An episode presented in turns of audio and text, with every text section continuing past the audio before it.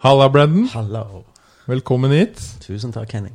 Så kjempekult at du er her i dag. Hvordan er livet? Helt topp. Det er det. Det er det. Det er sommer, og vi bor i verdens beste land. Og føler som når vi Altså, man åpner Aftenposten som i dag, og jeg tenker at vi har vunnet Lotto, alle sammen. Alle som bor i Norge, vi har vunnet Lotto. Jeg tenker liksom oftere og oftere vi er, vi er heldige. Det er utrolig en utrolig viktig ting å tenke, og det er mange som glemmer det. Hallo, vi bor i Norge. Du må vite at du har vunnet i Lotto når du bor i Norge. Ja. Eh, snakket om det på en annen podkast her, at eh, eh, jeg har jo vært og bodd i India et år. Og når jeg kom hjem til Norge da, så tenkte jeg bare shit. Vi har vunnet Lotto, den store lottobilletten. Eller den store lotto... Jeg var nede i India i oktober og tenkte det samme. Gjorde det? Kjøre forbi folk, og det er, sånn, det er ikke plass til alle de menneskene i Bangalore. Og så var det sånn, Man sitter og så, man har privatsjåfør og kjører forbi alle disse menneskene og tenker Hva er det som skjer? Hva, er det som, er det som skjer? Og så litt før det så var jeg i Somaliland. Det er ikke så mange folk, folk som vet om Somaliland, men det fins. En del av eh, ved siden av Somalia, bare si det. Og så der har ikke de, de fleste tak på huset. Det er sånn, de bygger opp et helt land, og så kommer tilbake til Norge og eh, setter pris på det man har. Hva var grunnen til at du var der, da? Um, det var å hjelpe dem med å arrangere eh, fotballturnering. Oi, kult. Ja. Hvordan kom du inn si- i det? Hva må si ja til? Det er sånn, eh, folk, Man blir kjent med folk, og så folk sier ja, hva med dette, hva med dette, og så sier ja, ja, ja. Og så plutselig så er man midt i Hargeise i Somaliland, eh, omringet av så mange stilige, glade, kule mennesker, men som har så lite. Det, det, var, det var helt fantastisk der. Det var akkurat den opplevelsen jeg hadde når jeg bodde i India òg. Folk som hadde veldig, veldig lite, eh, men som fortsatt var veldig glad. Ja. De hadde liksom Ok, vi har akkurat tak over hodet. Vi har akkurat en jobb som betaler for det taket over hodet. Og vi har akkurat mat Ja. til å holde oss mette hver dag. Og det holder oss veldig glade og fornøyde i livet. Ja. Det er fascinerende å tenke på. Mm. Det det. Og når du har vært på sånn tur og kommer tilbake hit, da setter du ekstra stor pris på Norge. Ja, setter pris på alt. Gjør det! er det lett å glemme de tingene? Burde man dra tilbake til uh... Ja, men man bør nok det. Um, heller vi har sosiale medier, da. Så um, jeg har så mange morsomme kontakter. Og um, nede i Bangalore så traff jeg så mange mennesker, så midt da koronasituasjonen startet, så hadde jeg en webinar med folk i Bangalore. Da var det 100 stykker som meldte seg på. Um, og det, det, det, het egentlig en motivasjonswebinar, men den heter yeah, I'm not going to motivate you. Altså at folk må finne den motivasjonen selv i livet, hva som gjør dem glad. det, Og- var, det var et motivasjonsseminar som het I'm not going to motivate you. så det var um, også den, den tanken på at jeg kan ikke motivere andre mennesker, de må finne den selv. Um, så vi hadde noen veldig fine workshops, og um, den, den fineste var den for folk i Bangalore. Um, som vi arrangerte, 100 stykker som ringte inn på telefon og ga så fin feedback tilbake etter det. Hva er det som motiverte dem, da? Eller hva sa de? Ja, vi gjorde en del morsomme øvelser. For det som var artig, at eh, en av de øvelsene er at man midt i, midt i den webinaret så må folk stoppe, og så får de en utfordring å ringe mamma eller pappa eller eh, en bror eller søster eller en tante. Så hvis mamma eller pappa lever, så ringer man dem. Og så takker først mamma, man takker mammaen sin for å for å få lov å ha det livet som vi har. Midt i korona så kan man tenke 'stakkars oss', men, men vi kan tenke 'stakkars oss'. Og den muligheten at man kan tenke i det hele tatt. Så, skulle, så utfordringen er å ringe til din egen mamma og si 'tusen takk for at du fødte meg en eller annen gang', og jeg sitter her og så klager litt over livet, klager litt over korona, men tusen takk for at jeg har mulighet til å klage. Og så Noen ganger er jeg kritisk av deg, mamma, og, men likevel, du er en av de mest fantastiske, mest amazing mennesker i hele Wow. livet mitt. Tusen takk for at eh, jeg har den muligheten. Og det var veldig mange nordmenn som syntes det var den vanskeligste oppgave i hele livet. Det tror jeg på. Ja. Det tror jeg på. Så jeg ringte min egen mamma først, for jeg må gjøre alle disse oppgavene selv. Og jeg sa det til henne, og hun, hennes respons var wow, det er ingen som har sagt det til meg før. Og så kom vi inn i hele den samtalen, men har ikke pappen min sagt det? Og, så- og sånn. Så det er en veldig kul samtale å ha med, med min egen mor. Og da veldig mange nordmenn var fuck, det er den vanskeligste oppgave jeg noen gang har hatt i livet mitt. var noen som nektet å gjøre det. Og i, De nektet å ringe moren sin. Ja, og, og si det. Ja, ja, ja. Det var sånn Nei, eh, hos oss så gjør ikke vi det der. Sånn, eh, vi sier hei, og så ikke noe mer enn det. så det var en av de oppgavene. Hvis du leter etter motivasjon i livet, gjør det der. Det var en av de Mm. oppgavene. Mens i India, jeg lurte på hva skjer syns, i India. Syns de det er vanskelig? Men de syns ikke det. Nei. For dem så var det verdens enkleste ting. Ja, ja. Det ligger helt naturlig det- for dem, vet du. Ja, det var det. Og det er sånn Jeg aner ikke Jeg har ikke tenkt på hvorfor så mye, men jeg, jeg syns bare det er artig å, å merke det. Ja, det er jo en ganske stor kulturforskjell, i hvert fall det jeg merket, at i India så bor du gjerne med familien mye lenger. Eh, og familien kanskje, kanskje hele livet. Ja. Og her i Norge så blir du jo sparka ut når du blir 18. Da er det ut. Da skal du finne på noe nytt og kommer deg ut av huset. Det var en fyr som ringte meg og sa jeg, hos oss, jeg ringer ikke mamma, men jeg ringer ikke pappa. Jeg, vet du hva, Vi ringer ikke, vi, vi, vi sier ikke sånne ting til hverandre i, eh, i familien vår, så jeg ringer deg, Brandon. Du er ganske kul. og det var en annen som sendte meg en melding at eh, her sitter jeg og griner og har det helt kjipt. Og jeg fikk sånn en helt annen kobling til mennesket etter disse, disse øvelsene som vi ba folk å gjøre. Og ja, det var artig. Det var folk som kom tilbake, i griner. og Sånn, 'Jeg ringte søsteren min, jeg måtte si det til søsteren min, jeg har aldri sagt det før.' Og, så det var sånn eh, veldig rar motivasjonswebinar. Eh, Wow. Midt i det tyngste korona, hjemmekaranteneopplegg. Så det var skikkelig ut av komfortsona for nordmenn, mens for inderne så var det den indiske headshaken. Det, ja, det var artig. Så bra. Og det Jeg satt også og leste litt på nettsiden din i går, og der er det jo veldig mye kult. Ja, Brendanmartin.com. Ja. Uh, blant annet. Altså det er veldig mye for bedrifter, og så er det jo også veldig mye som passer for å utvikle seg selv, slik jeg har forstått det riktig.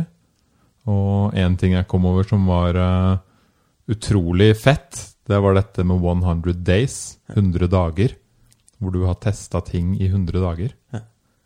Ja. Jeg har, jeg har skrevet opp noen, noen av de mange på lista her. Ja. Så kan vi kanskje ta opp noen av de, men 100 dager uten sosiale medier. 100 dager vegan keto. 100 dager med pushups. 100 dager med løping. 100 dager uten koffein. 100 dager uten alkohol. 100 dager med kafé klokka fem om morgenen. Ok, oss, vi må snakke om noen, noen av de her. Hvilken vil du ha? Sosiale medier det er jo noe man Altså, folk er jo dødsavhengige av. Ja, så det var veldig enkelt. Um, det er bare sånn, det er bare å ta den beslutning. Jeg lurer på hva som skjer. Altså Alle disse 100 dager-greia, jeg lurer på hva som skjer hvis jeg gjør noe i 100 dager. Ja. Det er egentlig det det er. Det er ikke mer mål enn det. Um, det er ikke sånn å være fri fra sosiale medier. Det er egentlig mer sånn at jeg lurer på meg selv. Um, fordi jeg jobber i bransjen med å, å hjelpe folk til å utfordre ting, eller seg selv, eller kultur, eller hva som helst.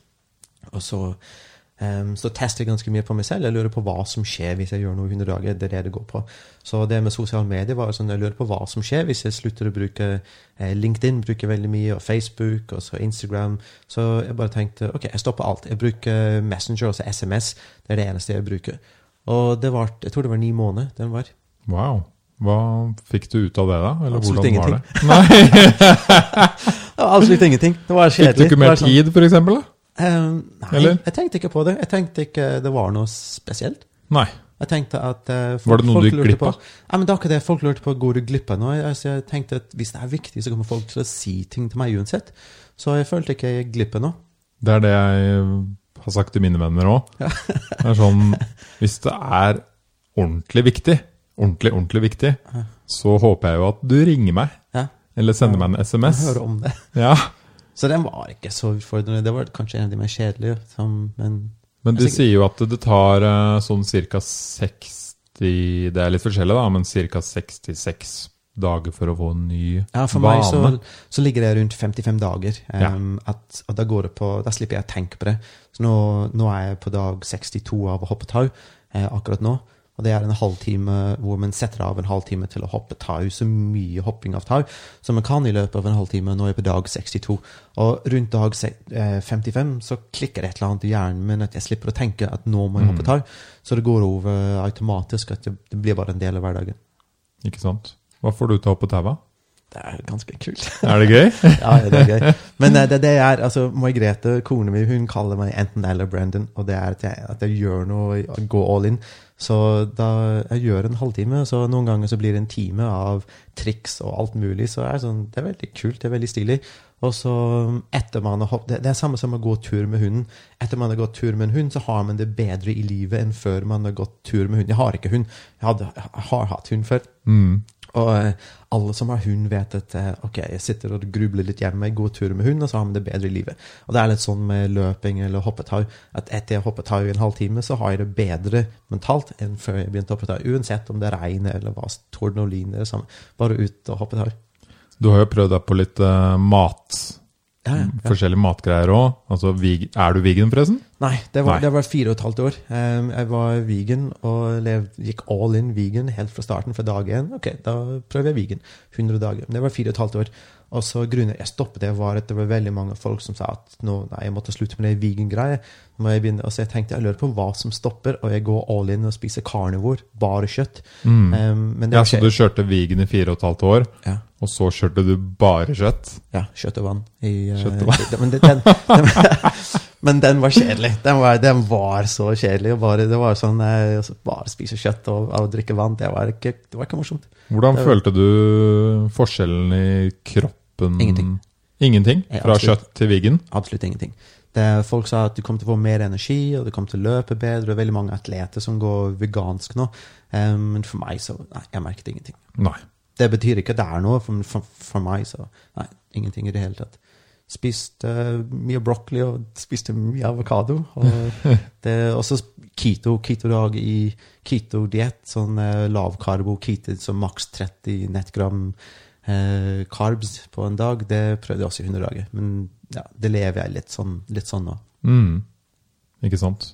Var det forskjell på keto, vegan og vegan? Ja, Keto-vegan var veldig ekstremt. Jeg gjorde 100 dager med eh, keto-vegan. Ja. Og det, mm, det, det er ikke så veldig mye man kan spise. da er det bare avokado og broccoli.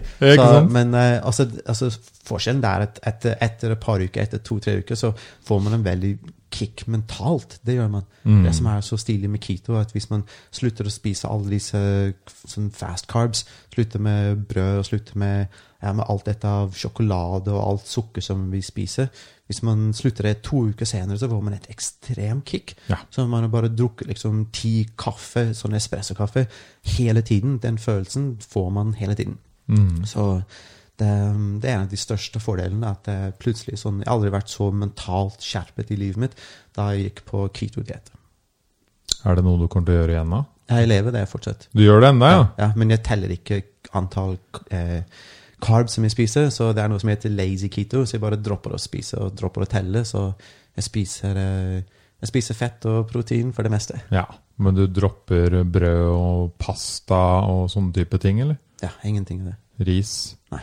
Nei. Så jeg spiser mye broccoli, mye avokado og eh, kjøtt og ja, sånne Ja. fine grønnsaker og eh, et stykke kjøtt eller laks eller et eller annet sånt. Og Mm. fin diett. Ganske sånn ren mat, da. Som Ja, ja, men- ikke blanda inn mye drit, rett og slett. spis så mye man vil. Spis til man alt, spis alltid til man er mett. Bare kjør på. Mm. Spis absolutt så mye man vil. Hvor mange ganger om dagen spiser du, da?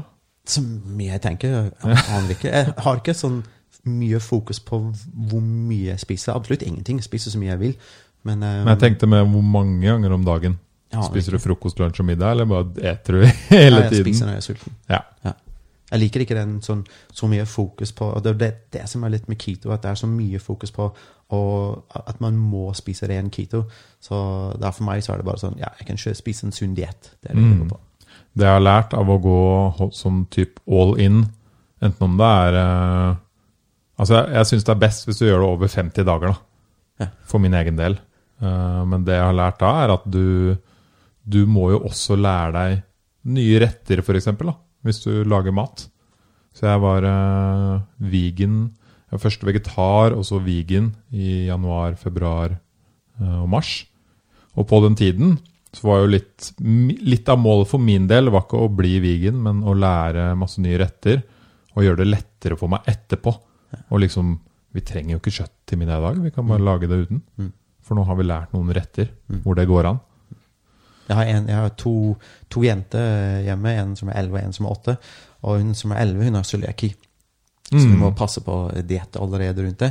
Så egentlig hele familien, vi spiser ikke eh, ting med gluten i. Men det er ikke sånn at det er bare noe som skjer. Så en vanlig, god diett har ikke veldig mye gluten i det. Og den yngste datteren min, yndlingsmaten hennes, er alltid hvis hun kunne velge en middag hver dag, så er det laks og potet. Så vi spiser ganske mye eh, fett fisk, sånn laks, og det er veldig, det er veldig fint. Det er lett, lett å ha sånne jenter. Broccoli og laks, det er sånn yndlingsmiddagen. Det går mye brokkoli og avokado, i hvert fall. Det gjør det.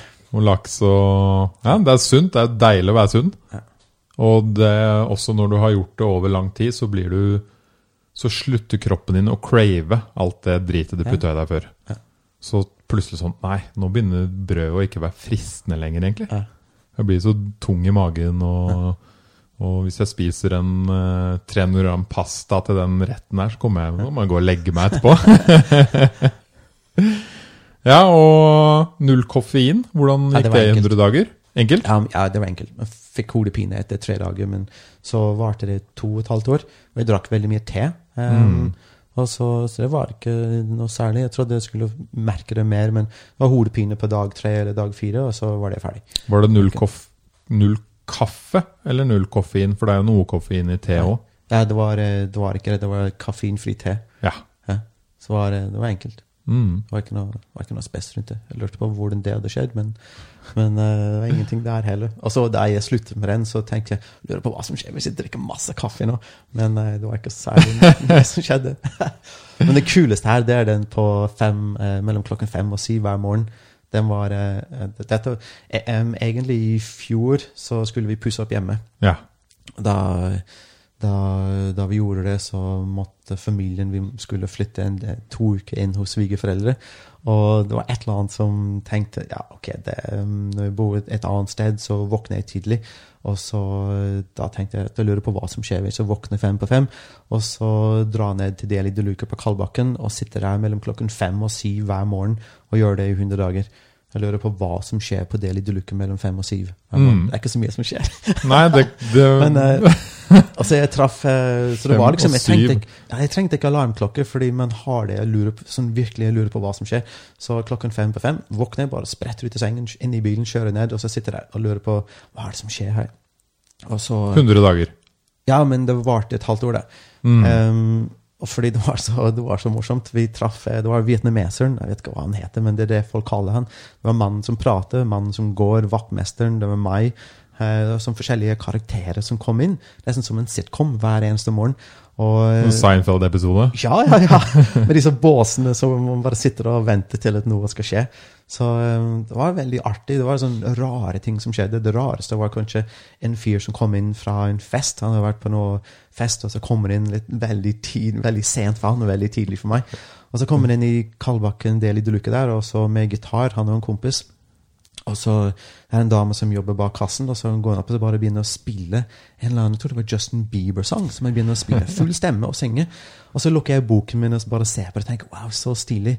Dette er bra, fordi hun kommer til å huske den dagen resten av livet. Og det syns jeg alltid er kult. Sånn at vi, Hvis vi har dager som vi kan huske resten av livet på en kul måte. Så hun kommer til å huske den, og så ser han meg, og så kommer han bort. Jeg sitter her med en Liverpool-T-skjorte på, så han kommer bort og så bare begynner å synge You'll Never Walk Alone. Altså full stemme og så med gitar. Så det var sånn kvart over fem-tiden, og han sitter rett ved siden av meg og bare spiller og synger med full stemme. Og så begynner jeg å grine. Ja. Og jeg tenker herregud, dette er så fint!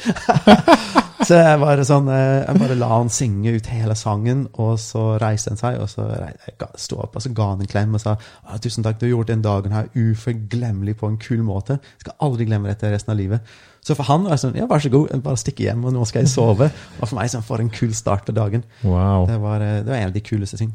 Det er sinnssykt gøy. Mm. Var det noe annet du opplevde var- om i morgenen, eller?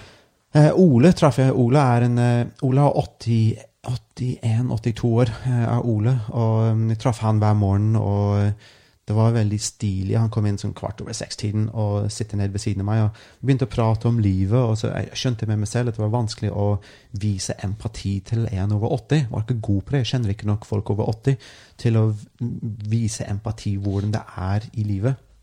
Så han begynner å snakke og fortelle. Ole er en god venn eh, nå, som eh, jeg stopper og ja, vi stopper og vi treffes av og til nå. Um, men en av de kuleste ting var, var at før jul så sier Ole til Brandon uh, og treffer deg alle disse månedene hver eneste morgen. Han kom inn kanskje tre-fire ganger i uken. Og så dette var veldig fint, fordi uh, før så har jeg ikke hatt det veldig fint før jul, men i året er en av de årene hvor jeg har hatt det finest, fordi alle disse fine samtaler som vi har hatt hver eneste morgen. Og det, for meg, da var det verdt det. Da var det verdt å stå opp eh, klokken fem på fem og så treffe Ole.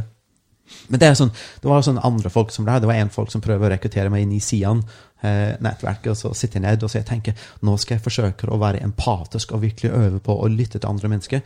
Så jeg sitter ned, og så kommer en fyr inn, og han, han begynner sånn Faen, jævlig kineserne! Bare forstå, jeg er ikke rasist, men faen meg kineserne, også!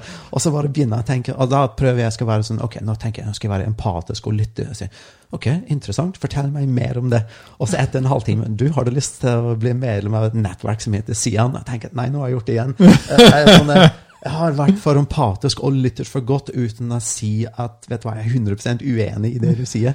Så det er jo sånn, også, også en uforglemmelig samtale. Mm. Det er jo viktig å, som du sier, vise litt hvilken side du står på. Ja. Og være empatisk. Ja, det, kan man være empatisk med alle? Ja, og den er en, eh, det er en ting som, som, som folk ja, kan si og være enig i, men det å sitte ned med en annen person og bekrefte det de sier, men likevel kommunisere at men jeg er 100 uenig i, i ideen det du sier, men jeg bekrefter at for deg det er en viktig og veldig fin idé. Det er en skill jeg er ikke i nærheten av å være god nok som jeg ønsker jeg var. Um, og det er noen mennesker man ser rundt i livet som er veldig gode på det. De kan, du føler at de lytter, men likevel du vet at de er 100 uenig, og er veldig gode til å lytte. Det er en fantastisk evne. Det er veldig mange som føler at de virkelig må si ifra ordentlig når de er uenig. Ja. Ikke sant? Ja. Det ser man ofte i diskusjoner. Mm. Og de er uenige med personen, men, men vi er egentlig uenige med ideen som er Ideen, kastet ut foran oss. Og det er det som Ja, jeg synes jeg, jeg trenger mye trening i akkurat det. Ja, og da fikk du hjelp av en uh, Ja. En klokka fem om morgenen på Ja, det er så gøy. Og jeg ser også du har prøvd deg litt på På cold shower. Ja, det er det, den, en del av den Wim Hof-metoden, sånn um, ta kald dusj hver dag. Men igjen, det er bare sånn I starten så står man der, og så man banner veldig mye, og mine kids de lover meg, og så skriker jeg. Um, og det er en skala som Altså en kompis av meg som jobber sammen med Geir. Han er ve veldig mange av disse ideene på websiden min.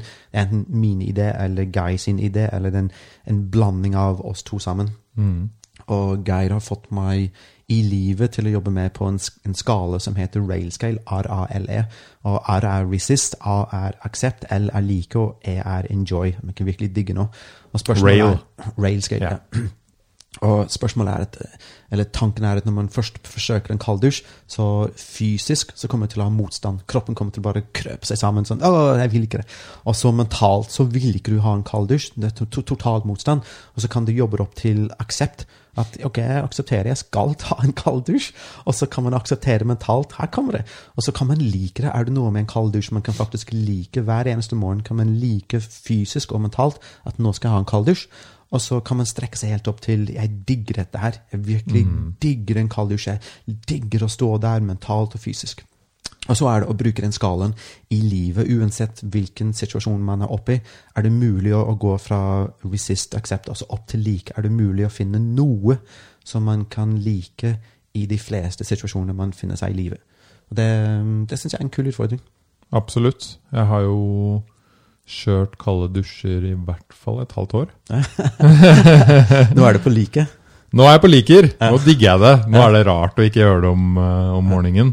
Og, man, eh, og en annen ting eh, som jeg helt klart har lært av det, er at hvis du lærer deg å håndtere en litt sånn stressende situasjon og en sjokksituasjon tidlig om morgenen, så er det også lettere å håndtere en sjokk- eller stressituasjon andre steder. Mm, det er sant. Så du hopper inn i den kalde dusjen, og da får du alt I begynnelsen er det jo alt sånn «Wow, Hva faen? Det er forferdelig! Ah! Så står du og holder ut, og så dag to blir det fortsatt ille. Og så etter to uker så er det sånn Oi, nå begynner det å bli gøy. Ja, og kald er ikke kald på en måte lenger. Nei. Det er kald, men det er liksom det er, det er sånn Jeg vet ikke. Det det, det vannet Det er samme temperatur, men det er ikke like kald. på en Mm. måte. Det er så rart. Men uh, altså en ting jeg gjorde da, da, jeg hadde det kaldt, jeg besøkte tannlegen min, hadde vondt i tannen, og da, da hadde jeg pulsklokke på. Og jeg sier til henne um, For hun måtte ta ut en filling og så bore litt, og så sette inn en ny filling. Og da sa jeg tenk om jeg kan sitte sånn på en måte at begge oss kan følge med på pulsen min. Og jeg kan sitte og kose meg med den smerten. Så hvis jeg ikke tar bedøvelse i dag, og jeg kan gå inn for å like dette her, hvordan hadde det vært?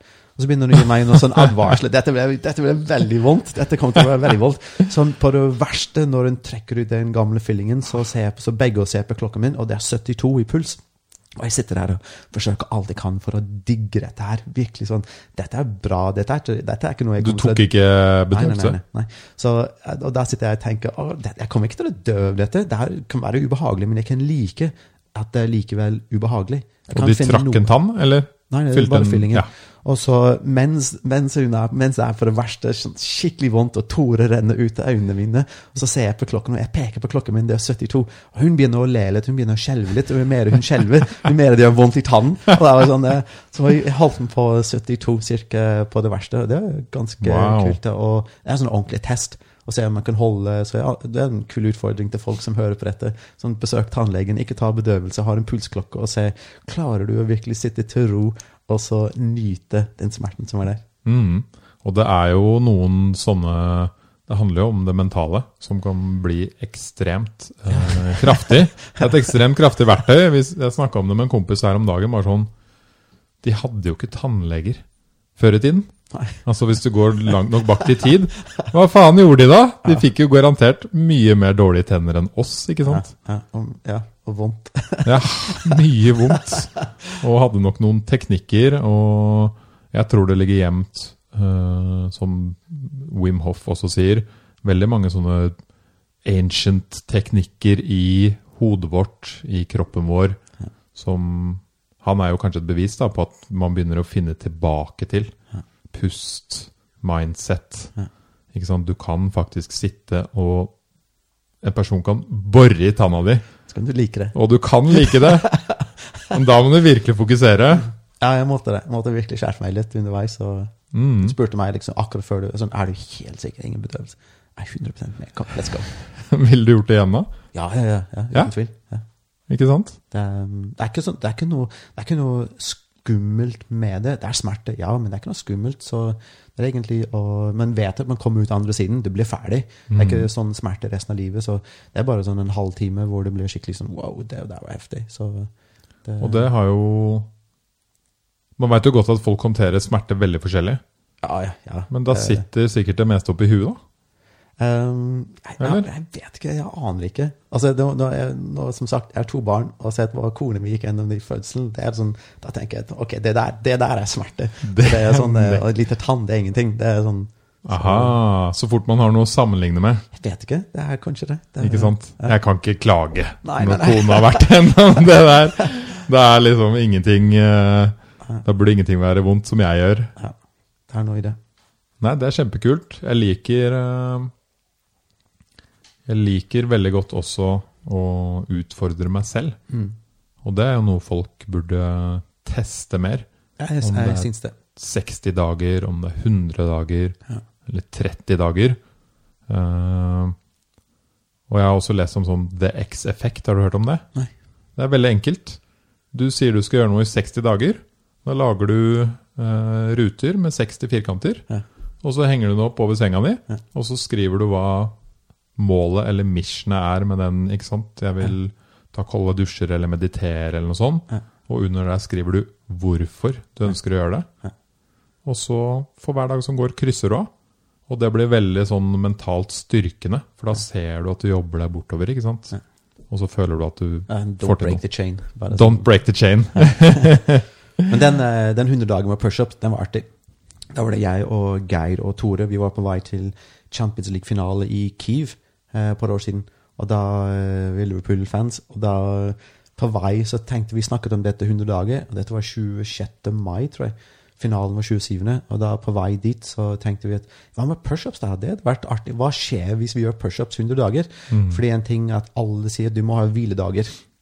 Og så lurer jeg på, hva skjer hvis man ikke har hviledager? Hvis man kjører en halvtime, gjør så mange pushups man kan i løpet av en halvtime i 100 dager, uten å ta hviledager? Det, det, det, det, de hadde rett, da. men skulle hatt hviledager. Man skal ha hviledager.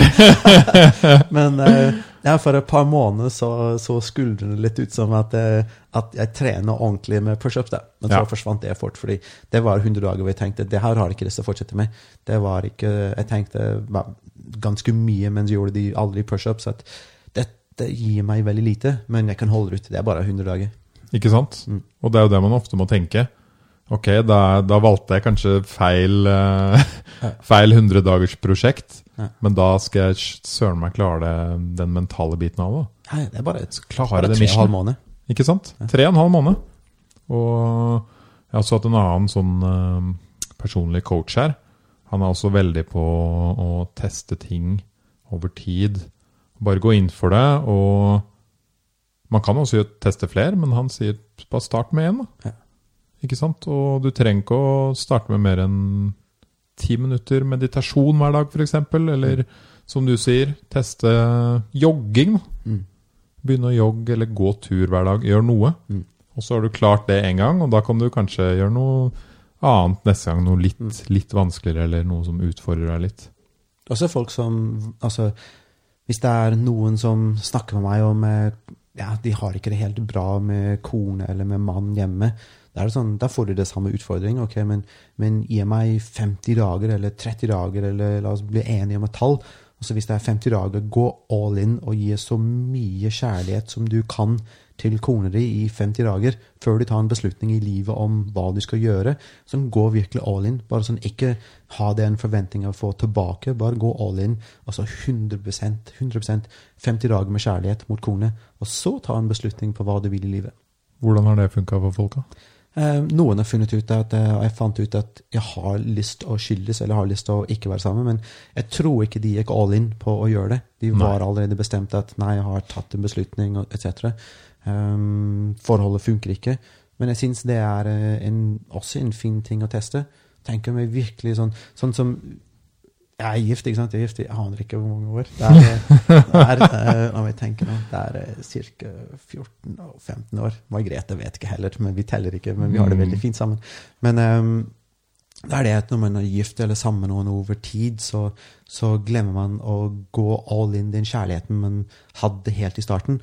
Og da av og til også gjør bevisst noe med det. Og det er sånn, la oss bare virkelig fokusere. La oss gå tilbake og ha mange first dates. La oss gå på kino, la oss gå og spise, la oss gå på tur.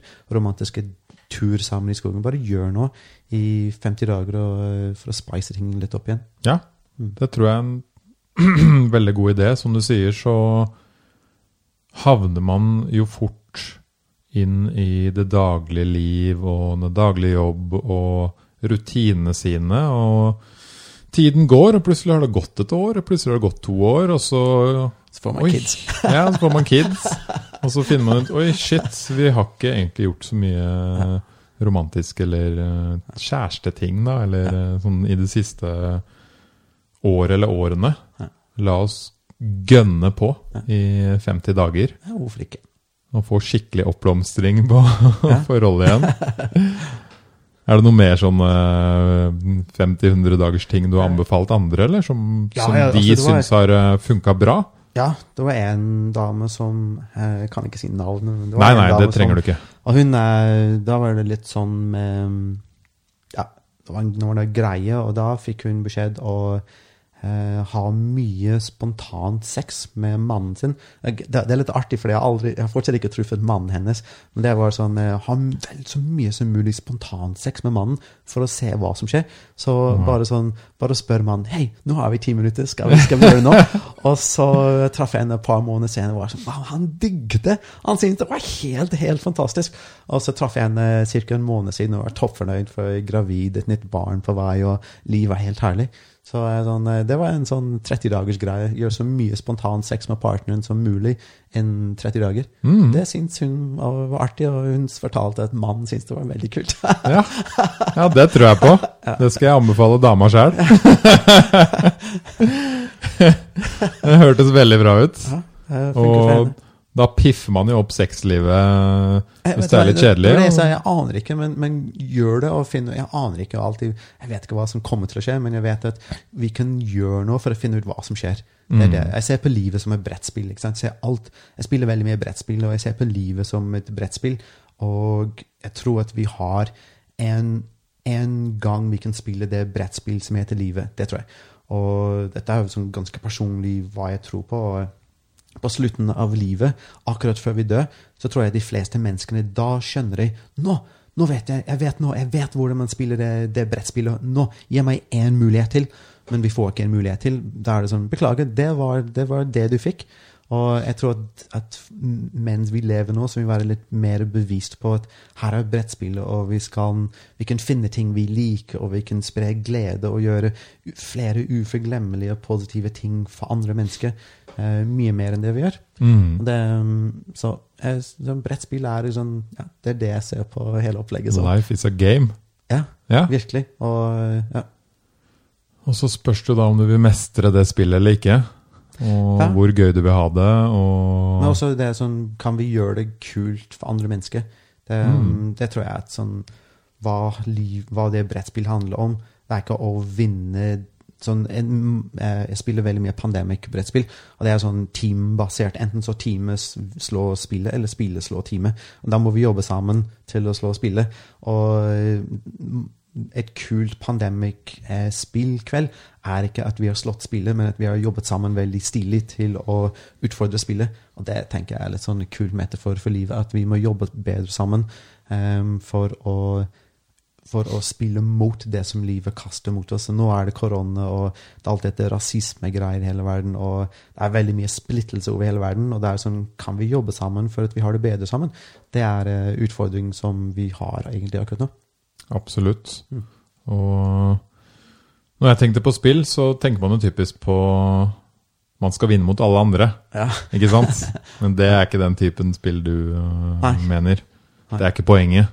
Nei, ikke Poenget med livet. Det er å, at vi hjelper hverandre. Det er, og de typer brettspill syns jeg er kul, og jeg ser det på livet. Kanskje litt for mye sånn, jeg vet ikke, det, er- men det er det jeg gjør. Jeg ser at vi skal, eh, vi skal ha empati til å forstå hverandre, og vi skal skape flere kule øyeblikker for hverandre. Mm. Er folk i Norge flinke til å hjelpe hverandre, eller hvordan syns du um, Hvordan er folk i Norge sånn generelt? Hva føler du jeg har vært her i 25 år. Ja, nettopp! sagt. Men du har jo vært mye ute hos bedrifter og møtt mye folk og ja. coacha mennesker og Kan si en, altså, det, er, ikke- det er ikke negativt, men nordmenn er brukt som forhandlere og fredsmeglere rundt omkring i hele verden. Og, og en grunn til det er at nordmenn er veldig rask og flink til å hoppe til en løsning for Mm. noe. Og det er ikke alltid at alle mennesker i hele verden vil ha løsningen. De vil bli forstått. Først vil de bli lyttet til, og empati, og så forstått. Ikke bare hoppe til løsning med en gang. Det um, for meg er hvordan jeg beskriver normen. Og det er fordeler og ulemper med å hoppe til det. Eh, Men det er ikke alltid at folk vil hoppe direkte. Folk vil bli hørt først. Og så um, la folk komme frem til det de vil komme frem til. Det, ja, det er litt Mm. sånn. Sånn vil jeg beskrive min. Det å lytte er jo en utrolig god egenskap Mm. som eh, jeg føler jeg har øvd meg på i mange år nå, og som er kjempeviktig og nyttig for å både få, som du sier, at folk føler de blir hørt, men også bare det å lære at du må ikke alltid snakke. Du må ikke alltid si noe. Og jeg husker jeg lærte det av han forrige mentoren min. Han var, øh, han var en leder i Innovasjon Norge, og alltid når han kom inn i rommet, så satte han seg i hjørnet. Og så lytta han på møtet i tre kvarter, og så sa han noe. Og det var alltid veldig smart. Alle bare wow, du Takk! Du har jo skjønt alt vi snakker om, og, og skjønner hva vi må gjøre videre. Eh, hvordan kan man jobbe med å bli en bedre lytter? Du vet hva jeg hadde gjort. Ja, hva da? eh, 100 dager med å gå all in og være bevisst på at nå skal jeg lytte. Nettopp. Ja, det, men igjen, det er en av de skills på, på skolen at vi, vi trener ikke på. At det er akseptert at kids skal være flinke og lytte, men det er ikke noe bevisst at vi sitter ned og trener på å lytte. Og som voksne som jobber, eh, jobber i teams rundt omkring i organisasjoner, så det er ikke noe trening på å lytte. Det er bare akseptert at alle er født, derfor kan vi lytte. Så det, mm, det er noe som ja, som i en del workshops jeg kjører med bedrifter, at vi trener på. Det betyr at noen sier noe, men mens du som motpart, du får ikke lov å svare. Du skal sitte der, men du får ikke lov å si noe tilbake. Og Det betyr at folk sier etterpå det var veldig behagelig at jeg måtte ikke svare, at jeg måtte ikke svare tilbake. At jeg kunne bare høre på hva de sier. Det er, det er fin trening. Mm. Og det er sikkert ubehagelig for noen òg, som sitter og rister og tenker bare faen, han tar feil! Hun, hun har ikke rett! Det er helt feil! Det er som med salgsteams. ikke sant? Er sånn, du, sånn trening med salgsteam som jeg gjør, er at du går inn, men du får ikke lov å selge. Du skal treffe kunder, men du får ikke lov å selge.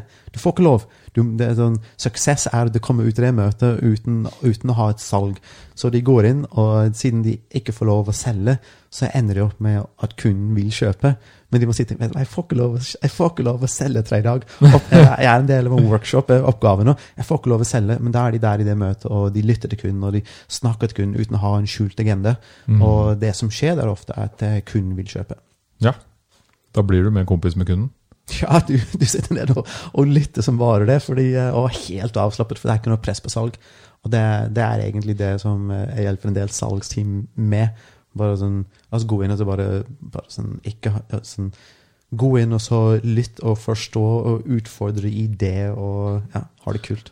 Det er en, det, det er en bra challenge til, uh, til telefonselgere. Ja. Ringe Hvordan skal de gjøre det?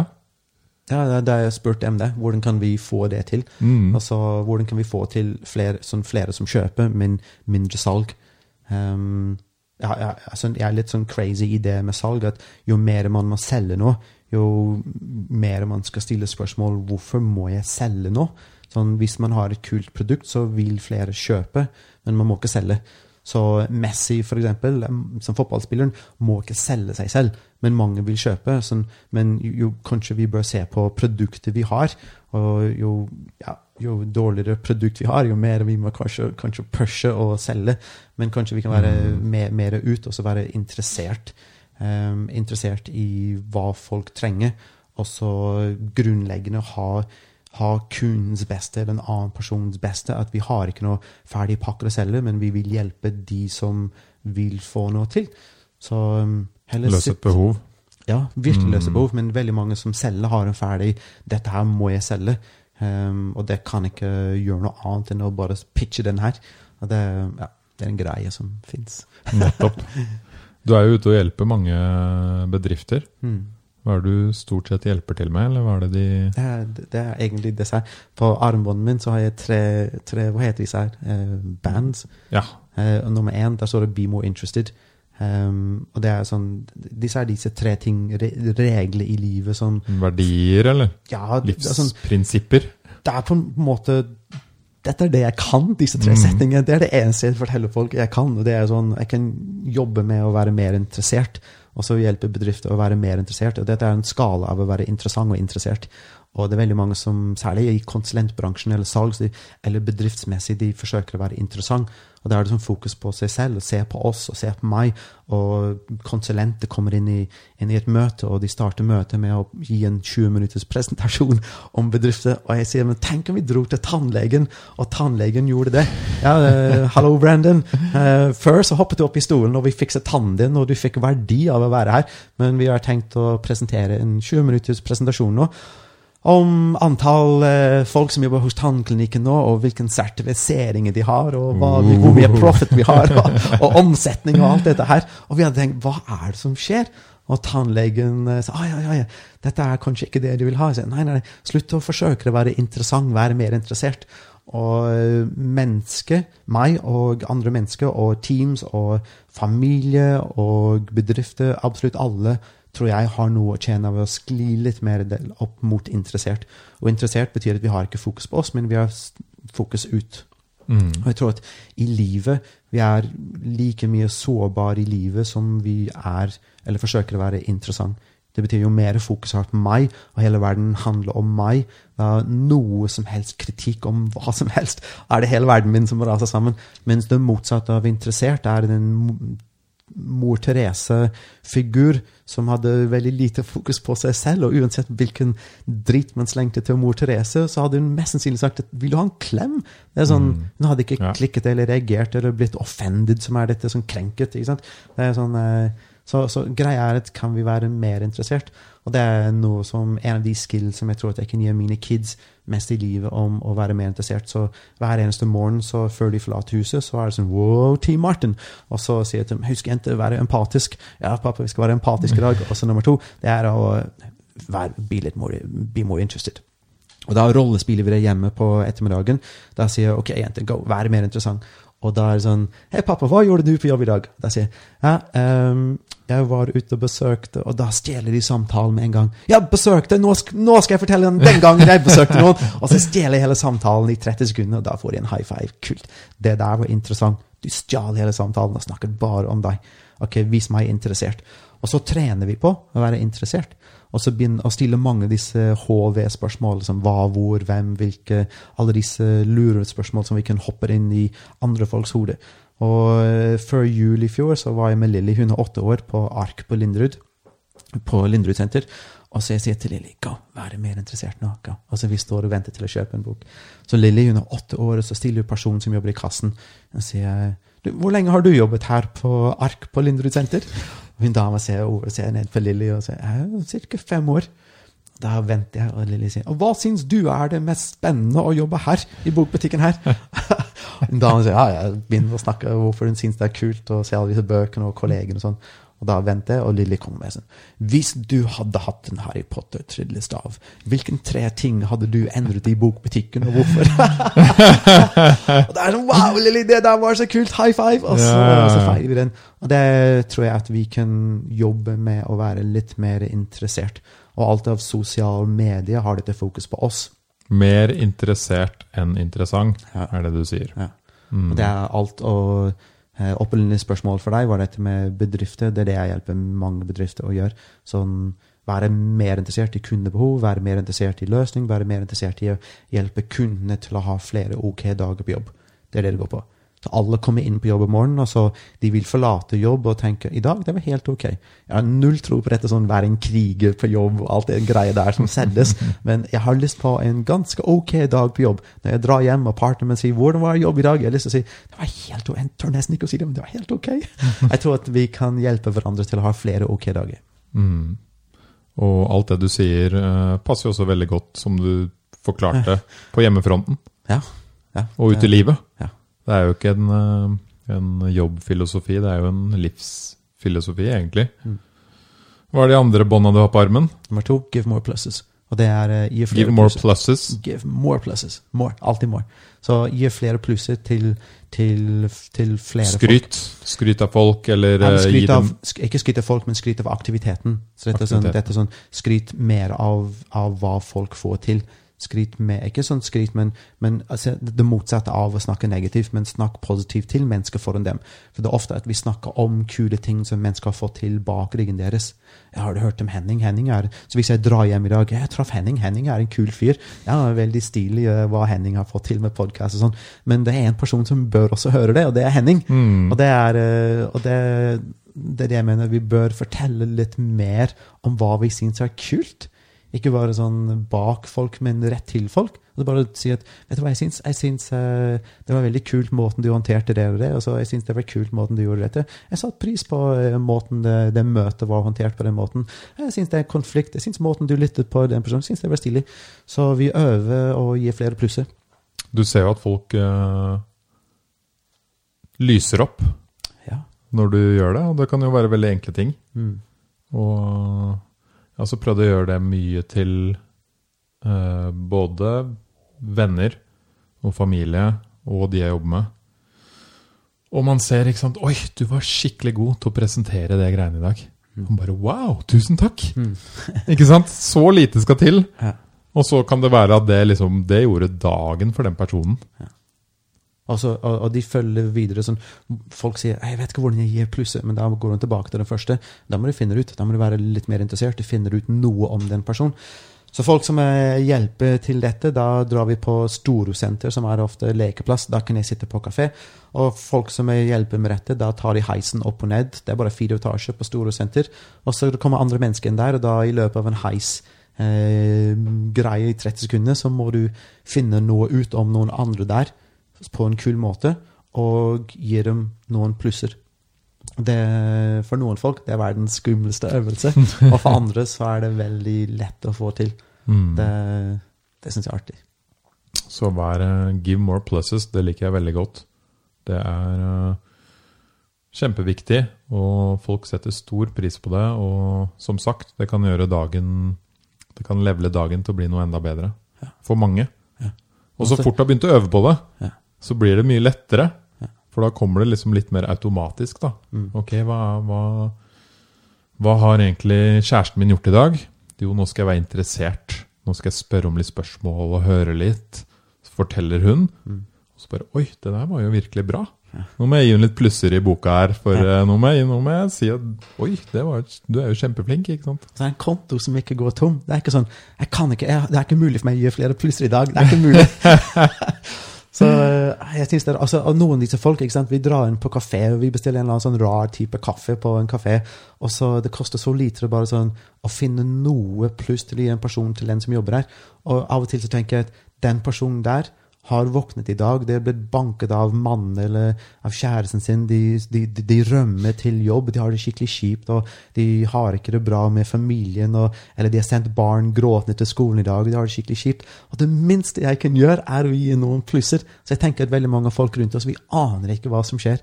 Vi tror at de er de samme som oss, vi aner ikke hva folk har vært gjennom den dagen, og det koster så lite å finne noe å gi en pluss. Hvis man sprer det der også, så kommer det til å slå tilbake på deg selv. På en veldig, veldig god måte. Ja.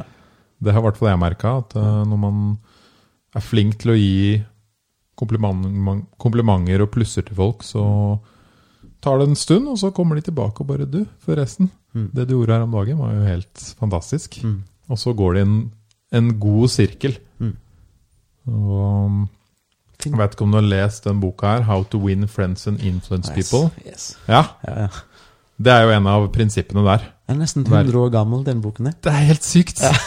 Jeg liker ikke helt på en måte tittelen 'How to Win Friends'. and influence Det er litt gammel type tittel, men den handler jo mye om det vi snakker om nå i dag. Mm. Og som du sier, den var skrevet for 100 år siden, og den er fortsatt ekstremt aktuell i dag. Og det handler jo egentlig bare inn igjen om mennesker, og hvordan man er med mennesker, og hvordan man kan bli bedre med mennesker. Mm.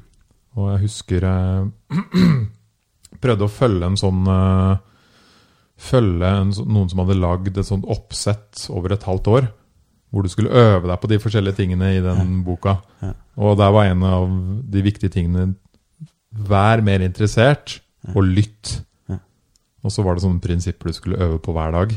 Og så den andre dag så var det sånn eh, Si noe hyggelig, eller eh, gi et kompliment, eller på en måte takk for noe bra noen rundt deg har gjort i dag. Ja. Og jeg merka jeg gjorde dette uke etter uke etter uke, og det var flere prinsipper. Ja. Og etter hvert så begynte det å sitte. Mm. Og det har satt, det har satt seg i meg. Så det er noe som jeg fortsatt på en måte gjør uten å tenke på det. Mm. Sånn som du sier men litt tilbake til de 100 dagene. Etter hvert så sitter det underbevisst. Mm. Du, akkurat som at du vil nå kanskje bare gå automatisk ut og begynne å hoppe tau ikke sant, Mm. om morgenen. På samme måte vil du kanskje automatisk si wow.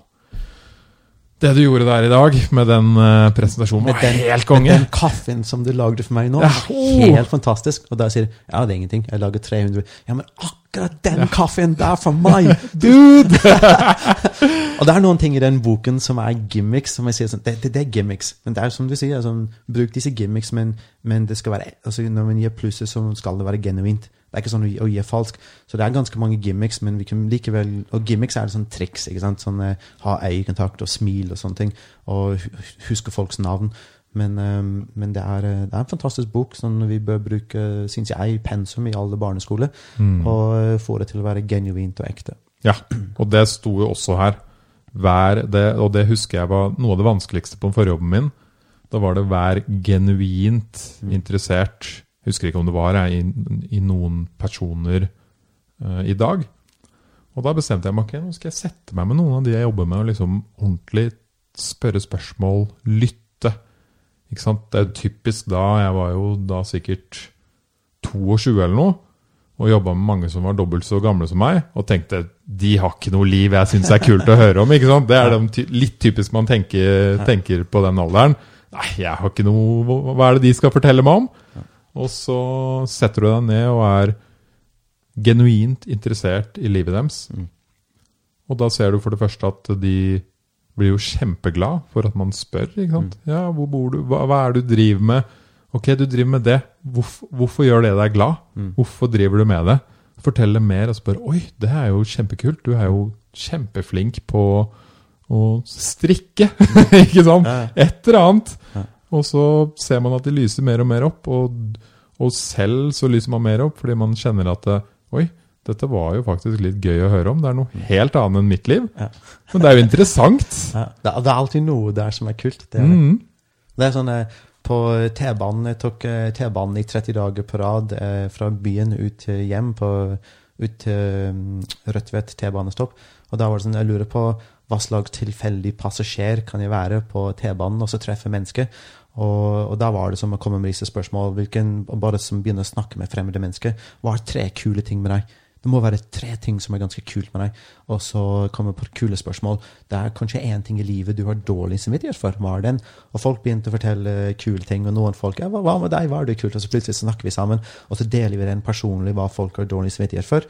Og så på Veitvet så, så viste jeg folk en liste av 25 adjektiver. Hvilken av disse her hadde du valgt ut for å beskrive meg?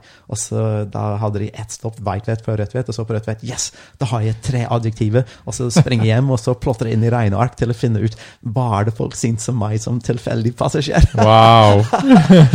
Det var artig. Det var kult. Treffe så mange kule mennesker. Men det Brennan, mye av det her handler jo om å gå ut av også komfortsona. Hvordan skal folk bli flinkere på det? Jeg husker jeg lærte en gang at uh, når du går ut av komfortsona, da lærer du mest. Eh, og det Det har jeg alltid siden husket. Og tenkt at åh, det der blir ubehagelig. Det er utenfor min komfortsone. Men så tenker jeg shit, det betyr at jeg kommer til å lære mye. Har du noen gode tips til hvordan man kan gå ut av komfortsona? Altså mindset, hva er det man må jobbe med for å bli bedre på det?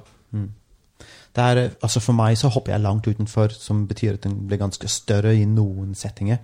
Um, men det er, altså for noen andre så er det bitte små steg. Um, og folk som jeg jobber sammen med, eller teams eller bedrifter, det er sånn er jeg med på å hoppe, hoppe stort. Altså, la, oss, la oss hoppe langt der ute, og så, så treffer jeg folk som Nei, vi tar bitte små steg, og den kombo der tror jeg er veldig fint. Å ha en liten gruppe mennesker hvor noen vil hoppe langt utenfor, og andre vil ta bitte små steg, og så får vi en diskusjon i gang. Og det er alltid liksom Folk må bestemme selv hvor langt de skal eh, være utenfor komfortsonen. Eller er, det ok å være innenfor komfortsonen? Det er 100 med på den, men la oss eh, sørge for at vi gjør disse tingene. Sånn, være litt mer interessert, og så gi flere plusser. og em, jeg er ikke sånn at altså, vi må utenfor komfortsonen, eller vi må jage folk utenfor, eller den sånn, eh, sånn så, ja, sånn Tilbake til den sånn Vi skal være kriger, vi skal, sånn, vi skal angripe dagen og sånne ting. Det er noen ganger at folk vil hjelpe meg til å, til å fortsette ha det sånn som jeg vil ha det nå. Og det, men likevel, det der kan hende Da må vi ta bitte små steg for å sørge for at vi beholder det sånn. Og hvis vi setter pris på det vi har, da må vi i hvert fall si til folk at, rundt oss at vi setter veldig pris på det vi har. Og det, mm, og det er disse bitte små stegene. Du trenger ikke å starte med å holde presentasjonen for 1000 folk. Nei. den er ganske artig, den der, fordi eh, altså, jeg hjelper en del eh, folk med å være god på scenen og presentere, og folks frykt av å være på, å være på scenen. Jeg har holdt masse jonglering, som, jeg har vært sånn gateartist og holdt flammeshow rundt omkring i Europa på gata. og der, det, er sånn, det er å stå naken foran mennesker. Ikke bare at du må presentere til folk der, men, men du må få dem til å le. Og hvis du ikke får dem til å le, så får ikke du penger, får ikke penger, får ikke du bensin og mat og alt mulig. Så, um, så hjelper folk å stå på scenen, og jo mer, jo mer fokus man har på seg selv og prøver å være interessant, jo tøffere er det. Men jo mer fokus man har ut, og prøver å sørge for at jeg skal hjelpe disse folk til å ha en litt bedre dag, og smile og le litt og ha noe um, de kan dele med venner. 'Jeg så en fyr i dag som gjorde noe morsomt med flamme.' Men gir dem noe, så, så var det bra. Og så sammen med, med hvordan blir man god til å presentere på scenen. Det er å ha det, ha det fokus ut, og ikke ha fokus på seg selv. Og det der skremmer livet av de fleste menneskene. og ja, altså Måten vi tester dette, det er det nummer én. Dere setter en person på scenen, og så står foran 100 mennesker, hvis vi har 100 mennesker som i en sånn workshop, står midt på scenen. Der, helt stille. Armene ned ved siden av deg. Bare stå helt rolig. Åpne øynene og så bare se på publikum, og publikum skal se på deg.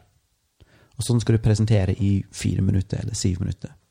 Mentalt. Ikke noe, Du får ikke lov å snakke, du får ikke lov å vise slides. Du skal bare stå der og presentere telepatisk til publikum. Så ikke noe bevegelse med kroppen, ikke noe bevegelse med hodet.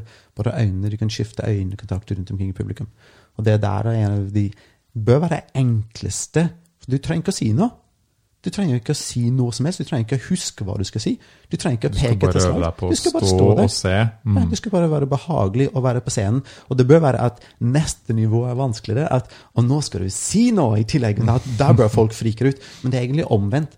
Folk liker ikke at fokus skal være på seg selv. Så for å unngå det, så begynner de å snakke. Blablabla. bla, bla. Og så for å unngå det enda mer, så har vi masse slides på PowerPoint. og Slutt å se på meg, folkens! Se på slides!